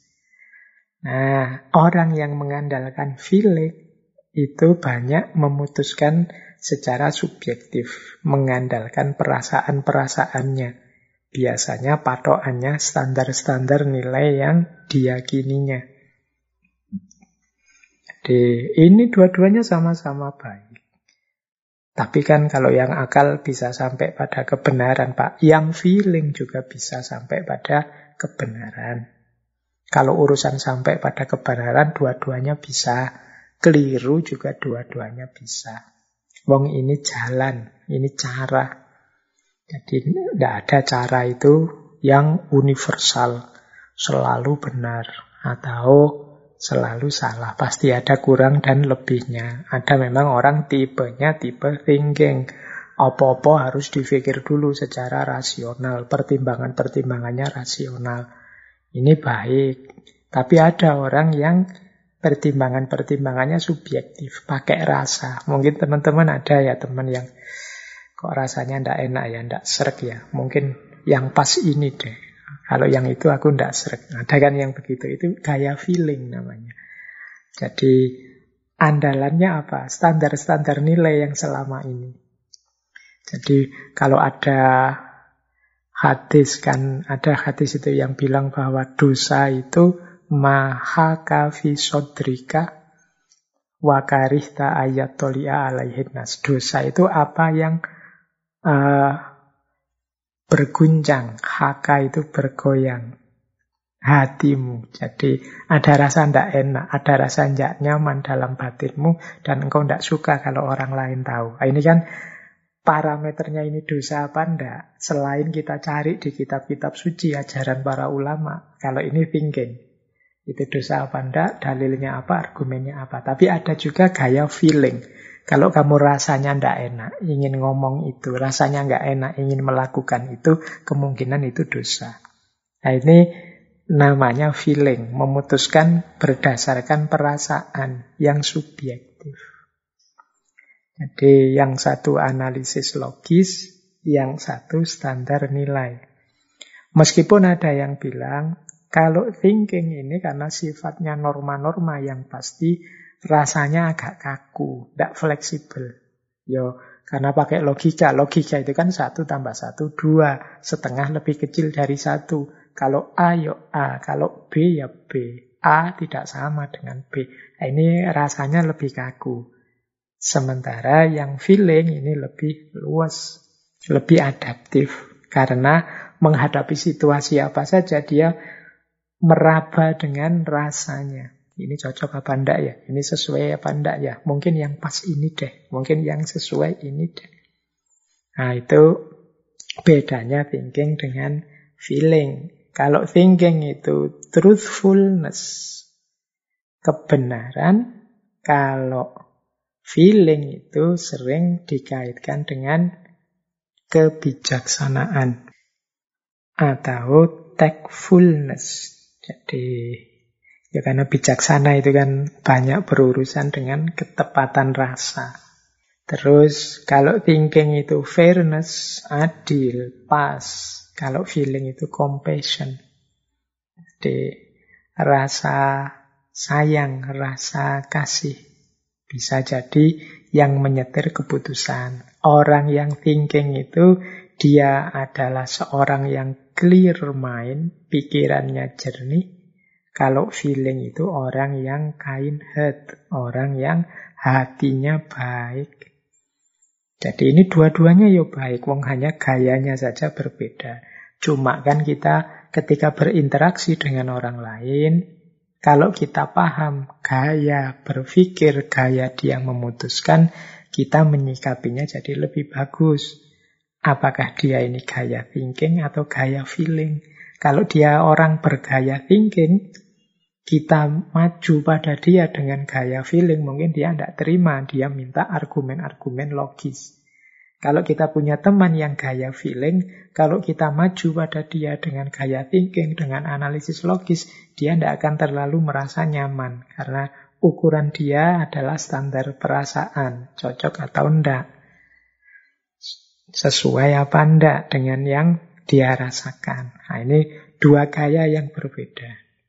Jadi teman-teman mungkin punya teman, punya sahabat, punya pacar, punya saudara. Ayo, kalau ingin lebih bagus hubungan kita dengan mereka, kita juga meraba, mencoba memahami kepribadian dia dalam hal memutuskan apakah dia thinking atau feeling. Ini penting. Oke, bagian dari kemampuan berpikir sosial. Nah, yang terakhir, cara bertindak. Ini juga harus kita perhatikan. Kalau tadi kan cara memutuskan, berpikir memutuskan. Nah, ini cara dia menjalankan atau bertindak. Ada dua gaya juga. Gaya pertama adalah judging. Gaya kedua, perception. Jadi gaya judging ini gaya, kalau secara letterlek artinya menilai. Kalau perception itu gaya mengamati. Maksudnya apa? Orang-orang yang tipe judging ini kalau bertindak lebih suka sesuai dengan rencana. Jadi konsisten. Tadi inginnya apa, rencananya apa, yaitu yang dijalankan. Tapi ada orang yang gayanya perception. Gaya perception itu ya tidak kaku dengan rencana, tapi sesuai situasi, fleksibel. Maka orang judging itu biasanya sebelum melakukan sesuatu merencanakan dulu hal-hal sampai detail. Tapi orang yang perception itu lebih santai, dia terbuka kalau ada alternatif-alternatif baru. Kalau orang judging lebih fokus mengatur, kemudian menuntaskan rencana. Kalau orang perception itu lebih terbuka untuk siap menghadapi perubahan. Kalau ada ketidakpastian-ketidakpastian. Orang judging fokus pada rencana dan tujuan, orang perception suka dengan spontanitas-spontanitas. Mengalir sajalah. Nah, itu gaya perception. Kalau kita punya teman, ayo diperhatikan dia ini tipe judging atau perception. Orang judging itu misalnya diajak jalan ke mana, dia akan merencanakan sampai detail.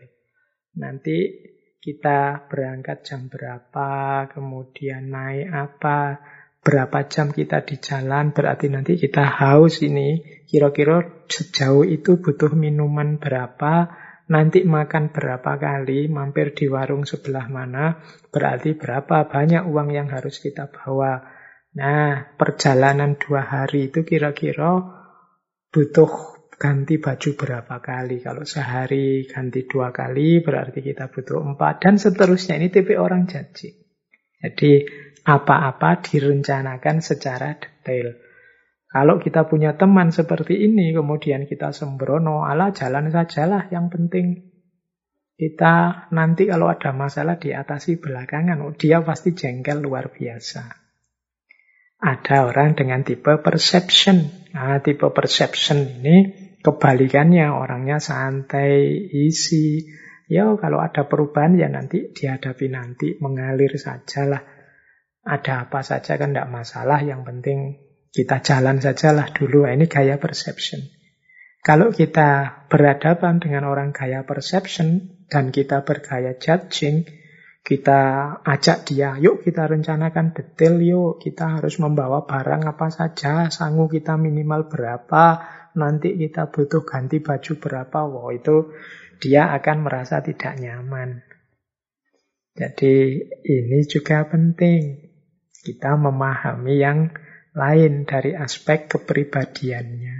Jadi ini kunci-kunci yang penting untuk kita pahami dalam rangka meningkatkan kapasitas social thinking kita.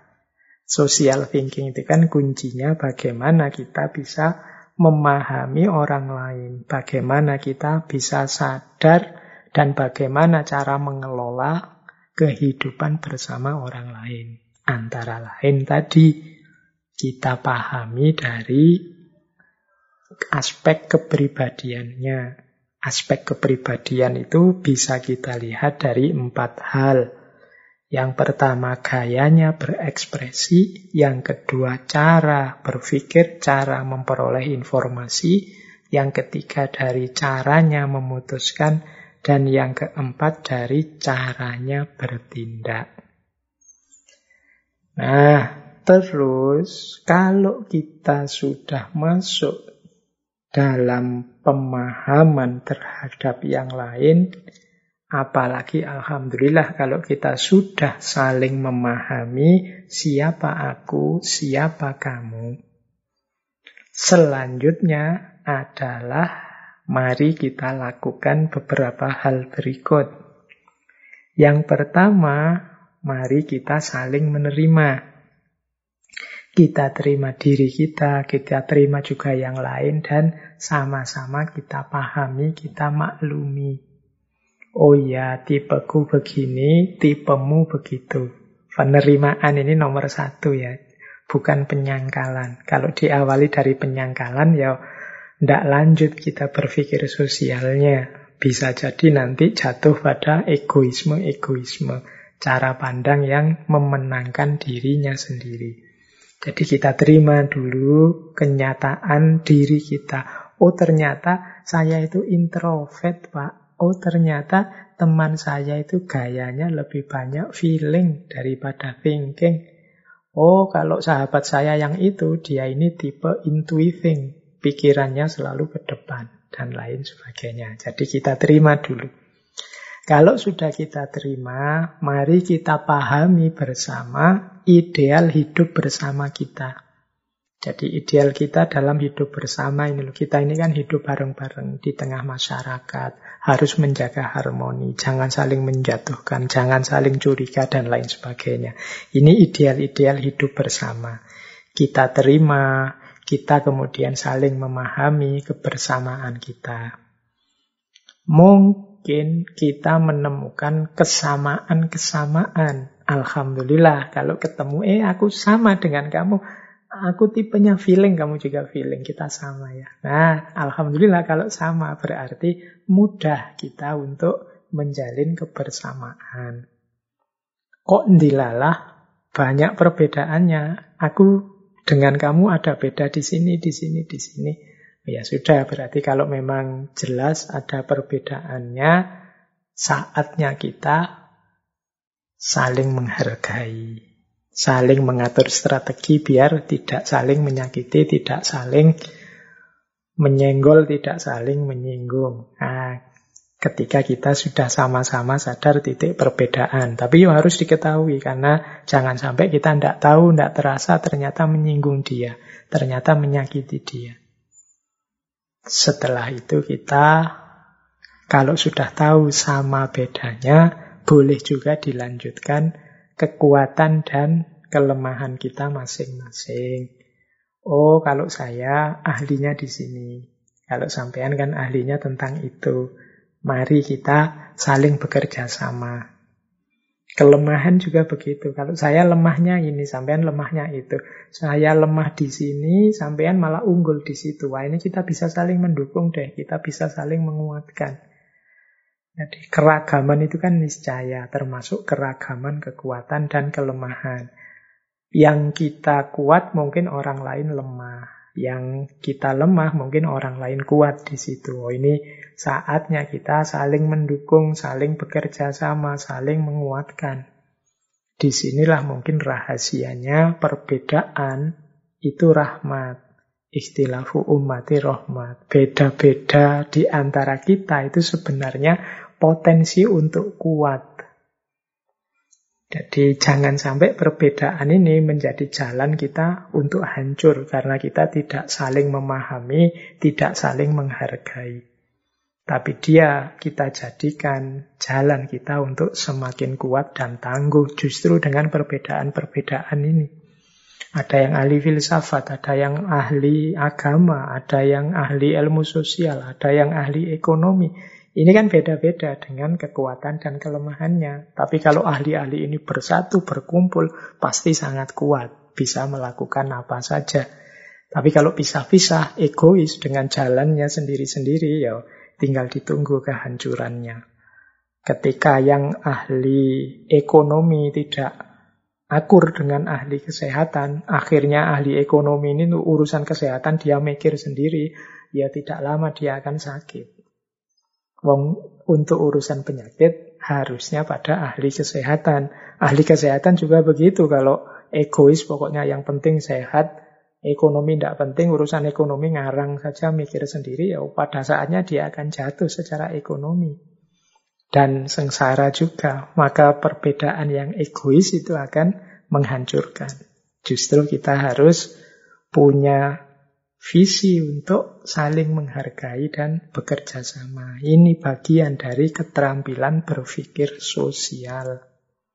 Jadi penting bagi kita untuk sadar nilainya orang lain dan juga nilai diri kita. Baik, nah selanjutnya ini waktunya sisa sekitar 25 menit lagi. Saya tambahkan. Kalau tadi thinking dengan pendekatan rasional. Jadi think, social thinking dengan berbagai asumsi-asumsi logis. Bagaimana kita bergaul dengan orang lain. Nah, sekarang kita tambah sedikit tentang feeling approach, pendekatan rasa dalam berhubungan dengan orang lain. Kalau tadi kan teknik berpikirnya yang pas, yang benar. Kalau ini pendekatan rasa. Secara umum, ketika kita memahami orang dari perspektif feeling approach, itu ada tiga pendekatan. Yang dua positif, yang satu negatif. Yang positif itu ada dua feeling approach itu, pendekatan rasa itu. Yang pertama empati, yang kedua simpati. Nah, ini sering orang dengar istilah ini, tapi makna pasnya mungkin perlu kita cermati lagi. Karena kadang-kadang kita memakainya terbalik-balik. Apa bedanya empati dan simpati? Kalau empati itu kita memahami apa yang dirasakan orang lain dan turut merasakan apa yang mereka alami. Itu empati. Jadi perhatikan kata-kata turut merasakan ini ya. Berarti tahu rasanya. Nah, orang yang tahu rasanya bisa berempati. Misalnya, rasanya ditinggal oleh sahabat paling dekat. Nah, Kita pernah ditinggalkan oleh sahabat kita yang paling dekat. Kemudian teman kita pada gilirannya mungkin setahun kemudian juga mengalami hal yang sama. Nah, ketika teman kita mengalami hal yang sama, kita bisa merasakan apa yang dia rasakan. Karena sebelumnya kita juga pernah merasakan. Ini sehingga kita bisa mengempati dia. Aku turut merasakan apa yang engkau rasakan. Ini namanya empati. Dan ini bisa dilakukan syaratnya tadi pernah mengalami sebelumnya. Jadi ini levelnya empati. Ya, misalnya yang pernah ditinggal orang tuanya bisa mengempati temannya yang sedang ditinggal orang tuanya. Kalau kita belum orang tua kita masih lengkap, kita belum bisa nyampe level empati. Kita tidak bisa bilang, aku turut merasakan ya kamu kehilangan orang tua. Tidak, orang tua kita masih lengkap, kita belum tahu rasanya. Kayak rasa pedas misalnya, tidak bisa kan kita mengira-ira rasa pedas itu. Untuk tahu rasa pedas ya kita makan lombok baru tahu, oh ini pedas. Aku kalau ada teman kita kepedesan, Aku tahu rasa pedesmu. Aku turut merasakan pedes yang engkau rasakan. Karena aku pernah ngalami rasa pedes. Nah itu empati. Jadi rasa paham dan turut merasakan yang dialami orang lain. Dalam dunia sosial ini penting. Mungkin sebagian besar yang dialami orang lain itu sebenarnya juga pernah kita alami. Meskipun hal-hal tertentu tidak. Jadi kegembiraan, kemudian kesedihan, kemudian rasa jenuh, rasa bosan, rasa ah, itu bisa empati. Para murid mungkin karena sudah bosan sekolah daring, sudah bosan mahasiswa kuliah daring itu bisa saling mengempati karena sama-sama turut merasakan. Itu feeling approach yang pertama. Feeling approach yang kedua simpati. Kalau simpati itu aku ikut prihatin. Aku merasa peduli dengan kesulitanmu. Aku turut berbela sungkawa dan lain sebagainya. Ini namanya simpati. Memahami kesedihanmu meskipun aku belum pernah mengalami. Aku prihatin dengan bencanamu, dengan kesulitanmu, dengan musibahmu, meskipun aku belum pernah mengalami. Aku ikut prihatin. Ini namanya simpati. Jadi baik empati maupun simpati dalam dua-duanya ada unsur rasa pedulinya. Bedanya kalau empati aku peduli dan turut merasakan karena pernah mengalami. Kalau simpati aku peduli meskipun aku belum pernah mengalami. Oke, yang ketiga apati. Ini yang saya sebut tadi yang coraknya agak negatif apati itu mungkin aku pernah merasakan, mungkin aku ngerti kesedihanmu, tapi aku tidak peduli. Aku ngerti engkau sedih, aku juga pernah mengalami hal yang sama, tapi aku tidak peduli. Nah, itu namanya apati. Kadang-kadang diterjemahkan dalam bahasa Indonesia sebagai apatis, cuek, tidak peduli. Nah, Jiwa-jiwa apatis ini jiwa-jiwa yang perlu dididik lagi bagian social thinking. Jadi orang ini perlu tambahan kemampuan berpikir sosial, hidup secara positif menanggapi situasi sosial. Empati, simpati, dan apati. Mari kita perbanyak empati dan simpati dalam dunia sosial kita, maka hidup kita akan lebih nyaman. Kebersamaan kita bersama orang lain lebih menenangkan dan menyenangkan. Semoga tidak banyak di antara kita yang bermental apati.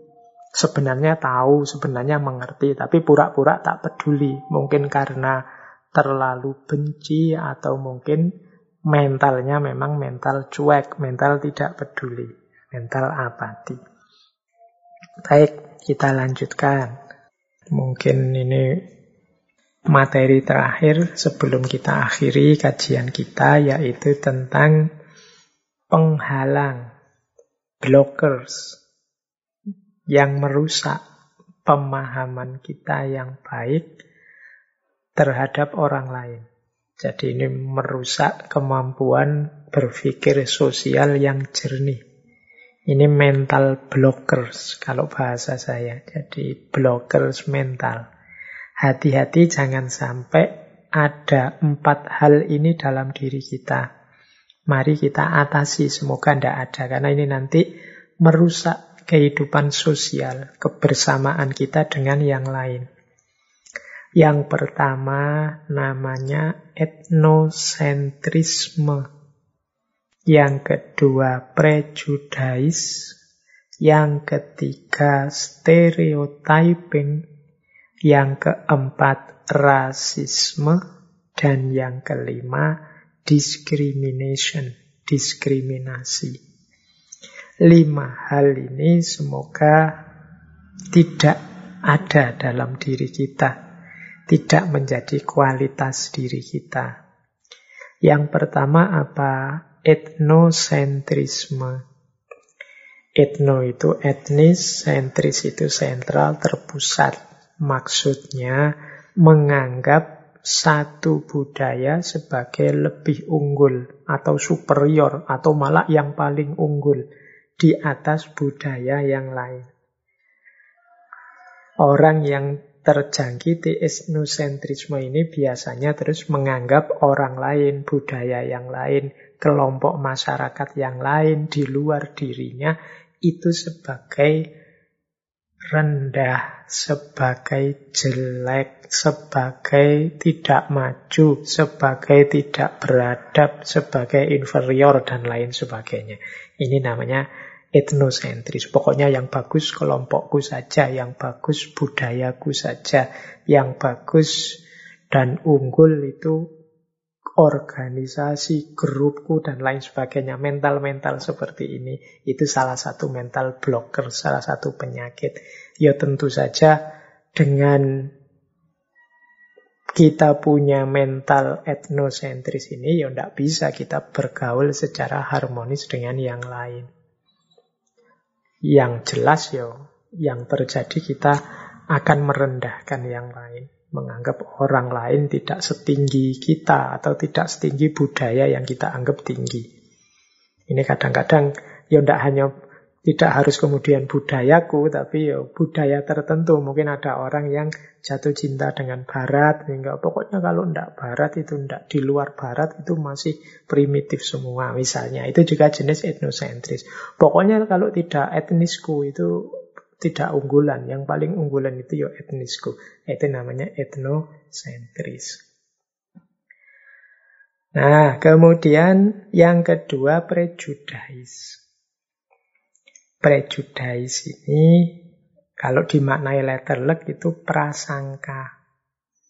Jadi prasangka itu menyimpulkan atau membuat anggapan-anggapan yang keliru tentang seseorang atau sekelompok orang tanpa data atau hanya dengan sedikit data tentang orang itu atau tentang kelompok itu. Itu namanya prejudice, prasangka. Boleh kok kita menyimpulkan orang lain atau menyimpulkan kelompok lain sesuai perspektif kita.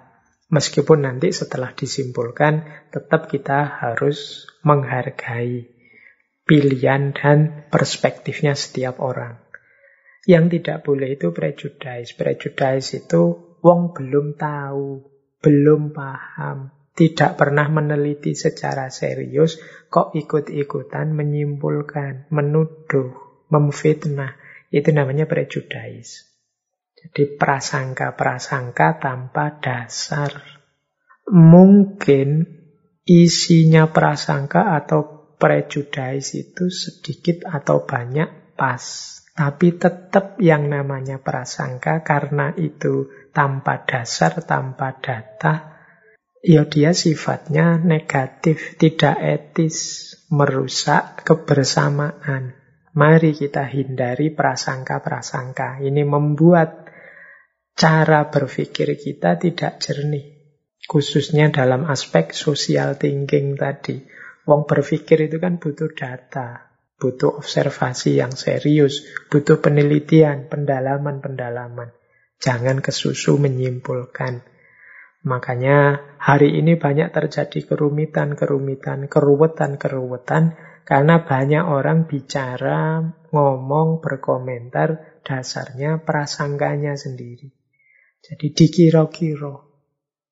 Nah, ini bahaya untuk kepentingan mutual understanding. Kita saling memahami hidup bersama orang lain.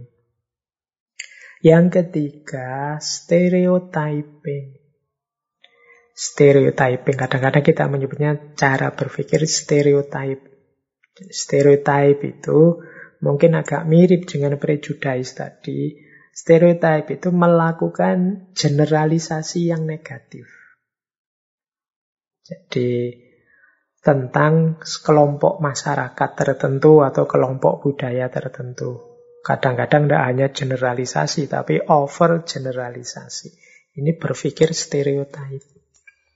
Misalnya, mungkin teman-teman pernah ngalami ya dituduh karena kita berafiliasi dengan lembaga apa, organisasi apa, dalam lembaga itu ada satu dua orang yang negatif, kemudian disimpulkan semua yang ada di situ negatif. Misalnya tuduhan bahwa semua orang Islam itu teroris. Nah, tidak mau dijelaskan bahwa lo itu yang melakukan teror itu mudahnya oknumnya. Jadi tidak bisa dari situ disimpulkan Islam itu agama teroris. Kalau disimpulkan begitu itu namanya overgeneralisasi dan melahirkan stereotip-stereotip. Jadi setiap kali bersentuhan dengan orang Islam terus deg-degan dianggapnya ini sedang berhadapan dengan teroris. Itu stereotip. Ya contoh yang lain banyak. Misalnya kita menganggap budaya tertentu, ah kalau orang dari daerah sana itu biasanya begini. Oh kalau orang dari daerah situ itu biasanya begitu. Ya biasanya yang negatif-negatif. Nah, ini namanya stereotip. Ini juga membahayakan untuk kehidupan bersama. Hati-hati dengan stereotip-stereotip. Paling tidak, stereotip ini jenis ketidakadilan. Karena berarti yang tidak begitu dikait-kaitkan. Hanya kesalahan satu dua orang dianggap sebagai kesalahan semuanya. Hanya keliru dari satu dua oknum dianggap kekeliruan semuanya. Ini cara berpikir stereotyping. Yang keempat, ini mungkin teman-teman sering mendengar, yaitu rasisme. Rasisme itu sering didefinisikan sebagai pandangan bahwa sekelompok orang dengan ciri ras tertentu itu punya karakter negatif dan inferior. Itu rasisme. Ini rasisme itu dekat dengan etnosentris tadi. Kalau etnosentris itu kan sangat mengunggulkan budaya tertentu sebagai superior. Kalau rasisme itu kebalikannya, menganggap budaya atau kelompok tertentu sebagai inferior, sebagai jelek. Biasanya dasarnya ras, makanya disebut rasisme. Misalnya, ah orang itu kalau kulitnya begini pasti kelakuannya begitu. Oh, orang itu kalau model rambutnya begini, itu pasti orang dari sana. Kelakuannya mesti begitu. Itu loh yang kulitnya gini loh, hitam-hitam itu loh. Ah, itu yang kulitnya kuning-kuning itu loh. Oh, itu orang yang bule-bule itu loh. Ini gaya rasis. Jadi pandangan bahwa kelompok tertentu dengan ciri-ciri warisan tertentu, ciri warisan itu kan ya dia itu tidak minta lahir dari kelompok itu, dia tidak minta punya kulit seperti itu, tapi kita anggap dia sebagai negatif, sebagai inferior, hanya karena ciri-ciri warisan tadi. Itu namanya rasisme. Makanya banyak kan kita dengar rame karena isu rasisme. Misalnya sepak bola. Lalu sepak bola itu yang dinilai kan kemampuan main sepak bolanya, bukan kulitnya. Bukan pula model rambutnya, bukan pula apanya. Tapi kadang-kadang orang kemudian justru yang diungkit ini. Sudahlah dia tidak boleh main di sini, wong dia kulitnya hitam, dia tidak boleh main di sini, orang rambutnya keriting dan lain sebagainya. Itu rasis namanya. Jadi dikait-kaitkan dengan rasnya. Padahal dia tidak minta, itu sudah ketetapannya Tuhan. Dia lahir dengan karakter ras seperti itu. Itu rasis. Jadi kalau etnosentris tadi merasa unggul, yang lain rendah semua. Kalau rasisme ini menganggap satu budaya tertentu sebagai rendah. Nah, etnosentris, prejudis, stereotip, dan rasisme itu nanti kalau membuahkan tindakan orang melakukan tindakan tertentu dengan dasar etnosentris, prejudis, stereotip, rasis, dari situ biasanya muncul diskriminasi. Di diskriminasi itu lahir karena empat hal tadi diwujudkan secara nyata.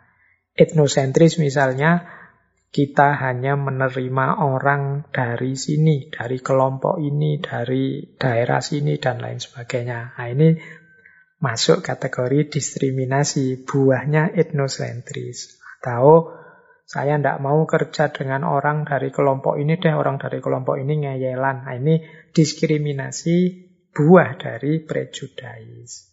Atau saya tidak mau ah kerja sama bareng orang dari kelompok sana, orang dari kelompok sana itu biasanya kecenderungannya suka merusak. Nah, itu stereotip. Atau karena rasis, wah dia kulitnya hitam, tidak mau aku. Ah dia, ah itu diskriminatif karena rasisme. Jadi hati-hati, ini penyakit-penyakit sosial yang bisa tumbuh dalam diri kita. Namanya mental blockers yang membuat kita tidak jernih dalam berpikir sosial. Tentu saja tadi teknik-teknik luar biasa untuk kita menghargai orang lain, memahami orang lain, sudah tidak berguna lagi kalau dalam diri kita ada penyakit-penyakit lima ini. Etnosentris, prejudis, stereotyping, dan rasisme. Nah, terakhir, terus cara mengatasinya bagaimana? Ya cara mengatasinya secara umum ada teori namanya mindfulness. Mindfulness ini bagaimana perhatian dan fokus kita sepenuhnya kita arahkan ke sini dulu. Jadi kita bersihkan dulu diri kita dari kotoran-kotoran, baru kita isi yang baik-baik. Ini kita pakai strategi mindfulness. Kalau dalam dunia tasawuf itu ada taholli baru tahalli.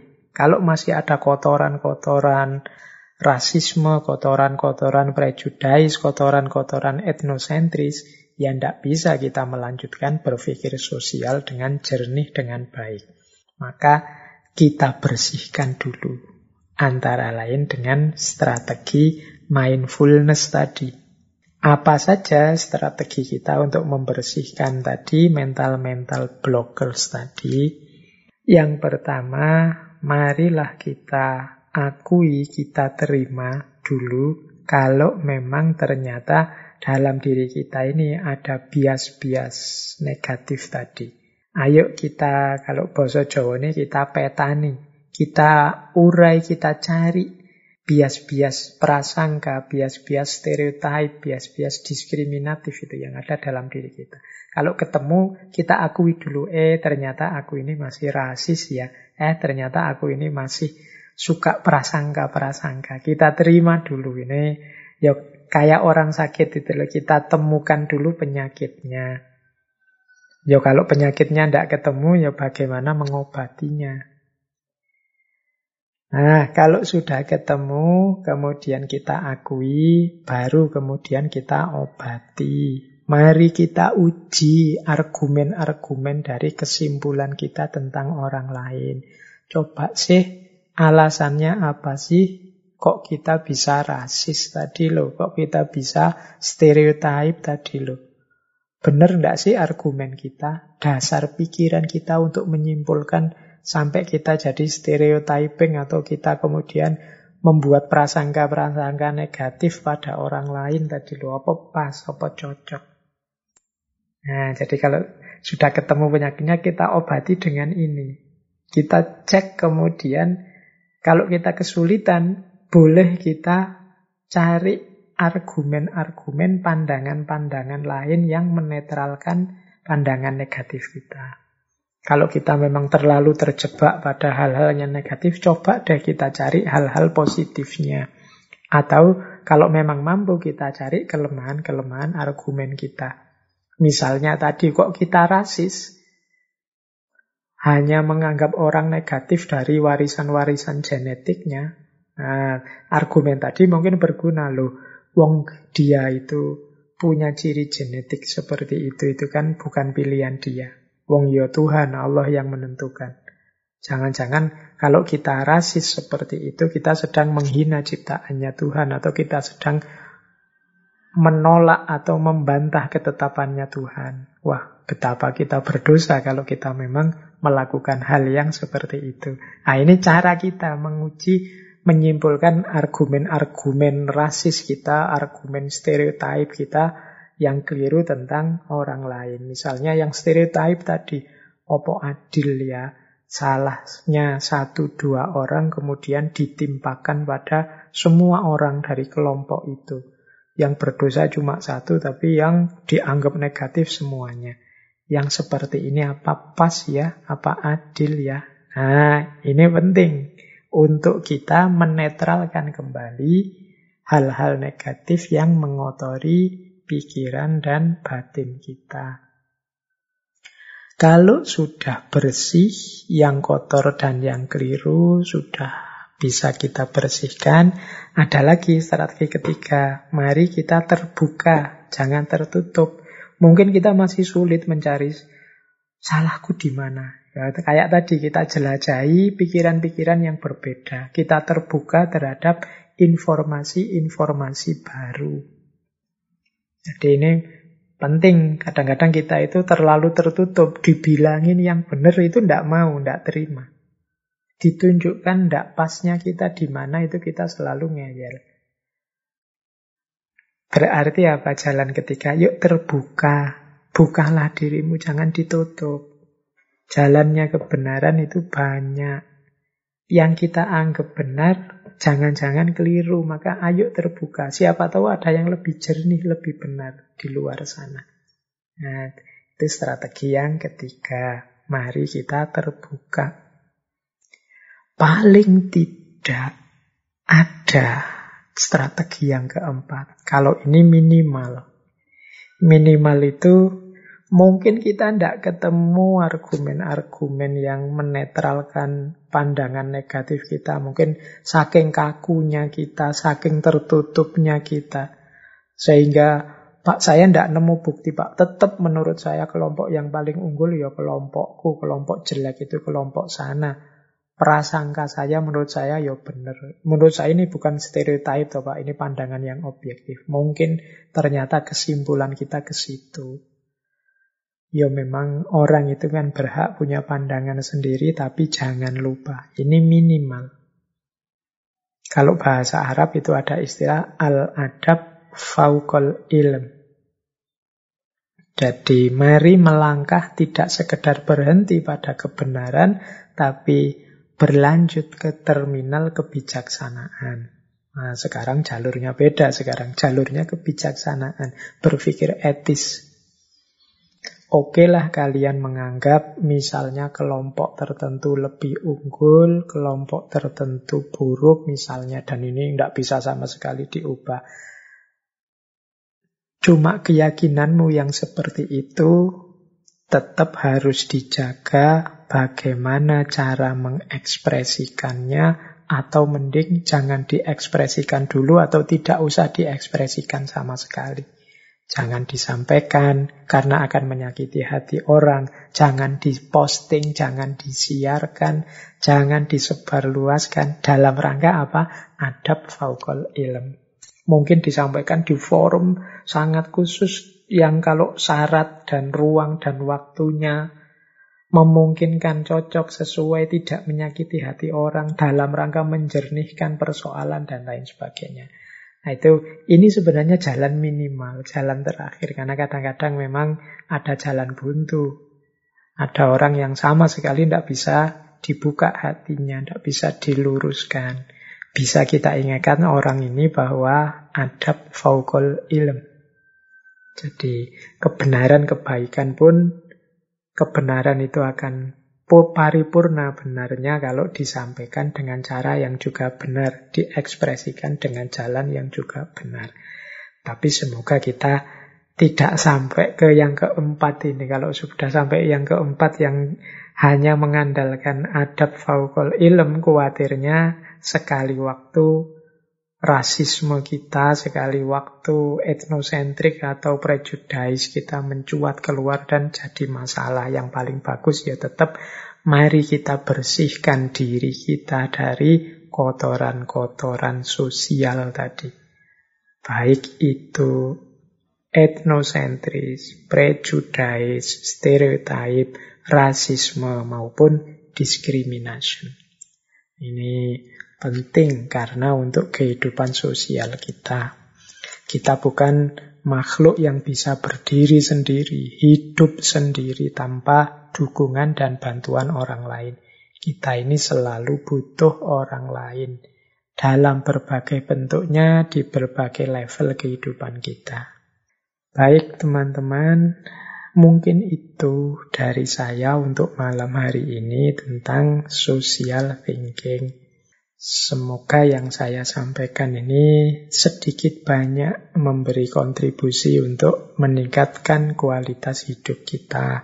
Kalau masih ada yang belum cocok, tidak sesuai, tidak seperti yang dibayangkan teman-teman dan lain sebagainya, ya saya minta maaf dan semoga kita terus bisa belajar sehingga nanti akhirnya kita tahu yang lebih cocok seperti apa, lebih pas seperti apa, lebih benar seperti apa, khususnya dalam konteks berpikir sosial. Oke, kurang lebihnya saya minta maaf. Saya akhiri sekian untuk malam hari ini. Wallahul muwafiq, wallahu a'lam bishawab. Wassalamualaikum warahmatullahi wabarakatuh.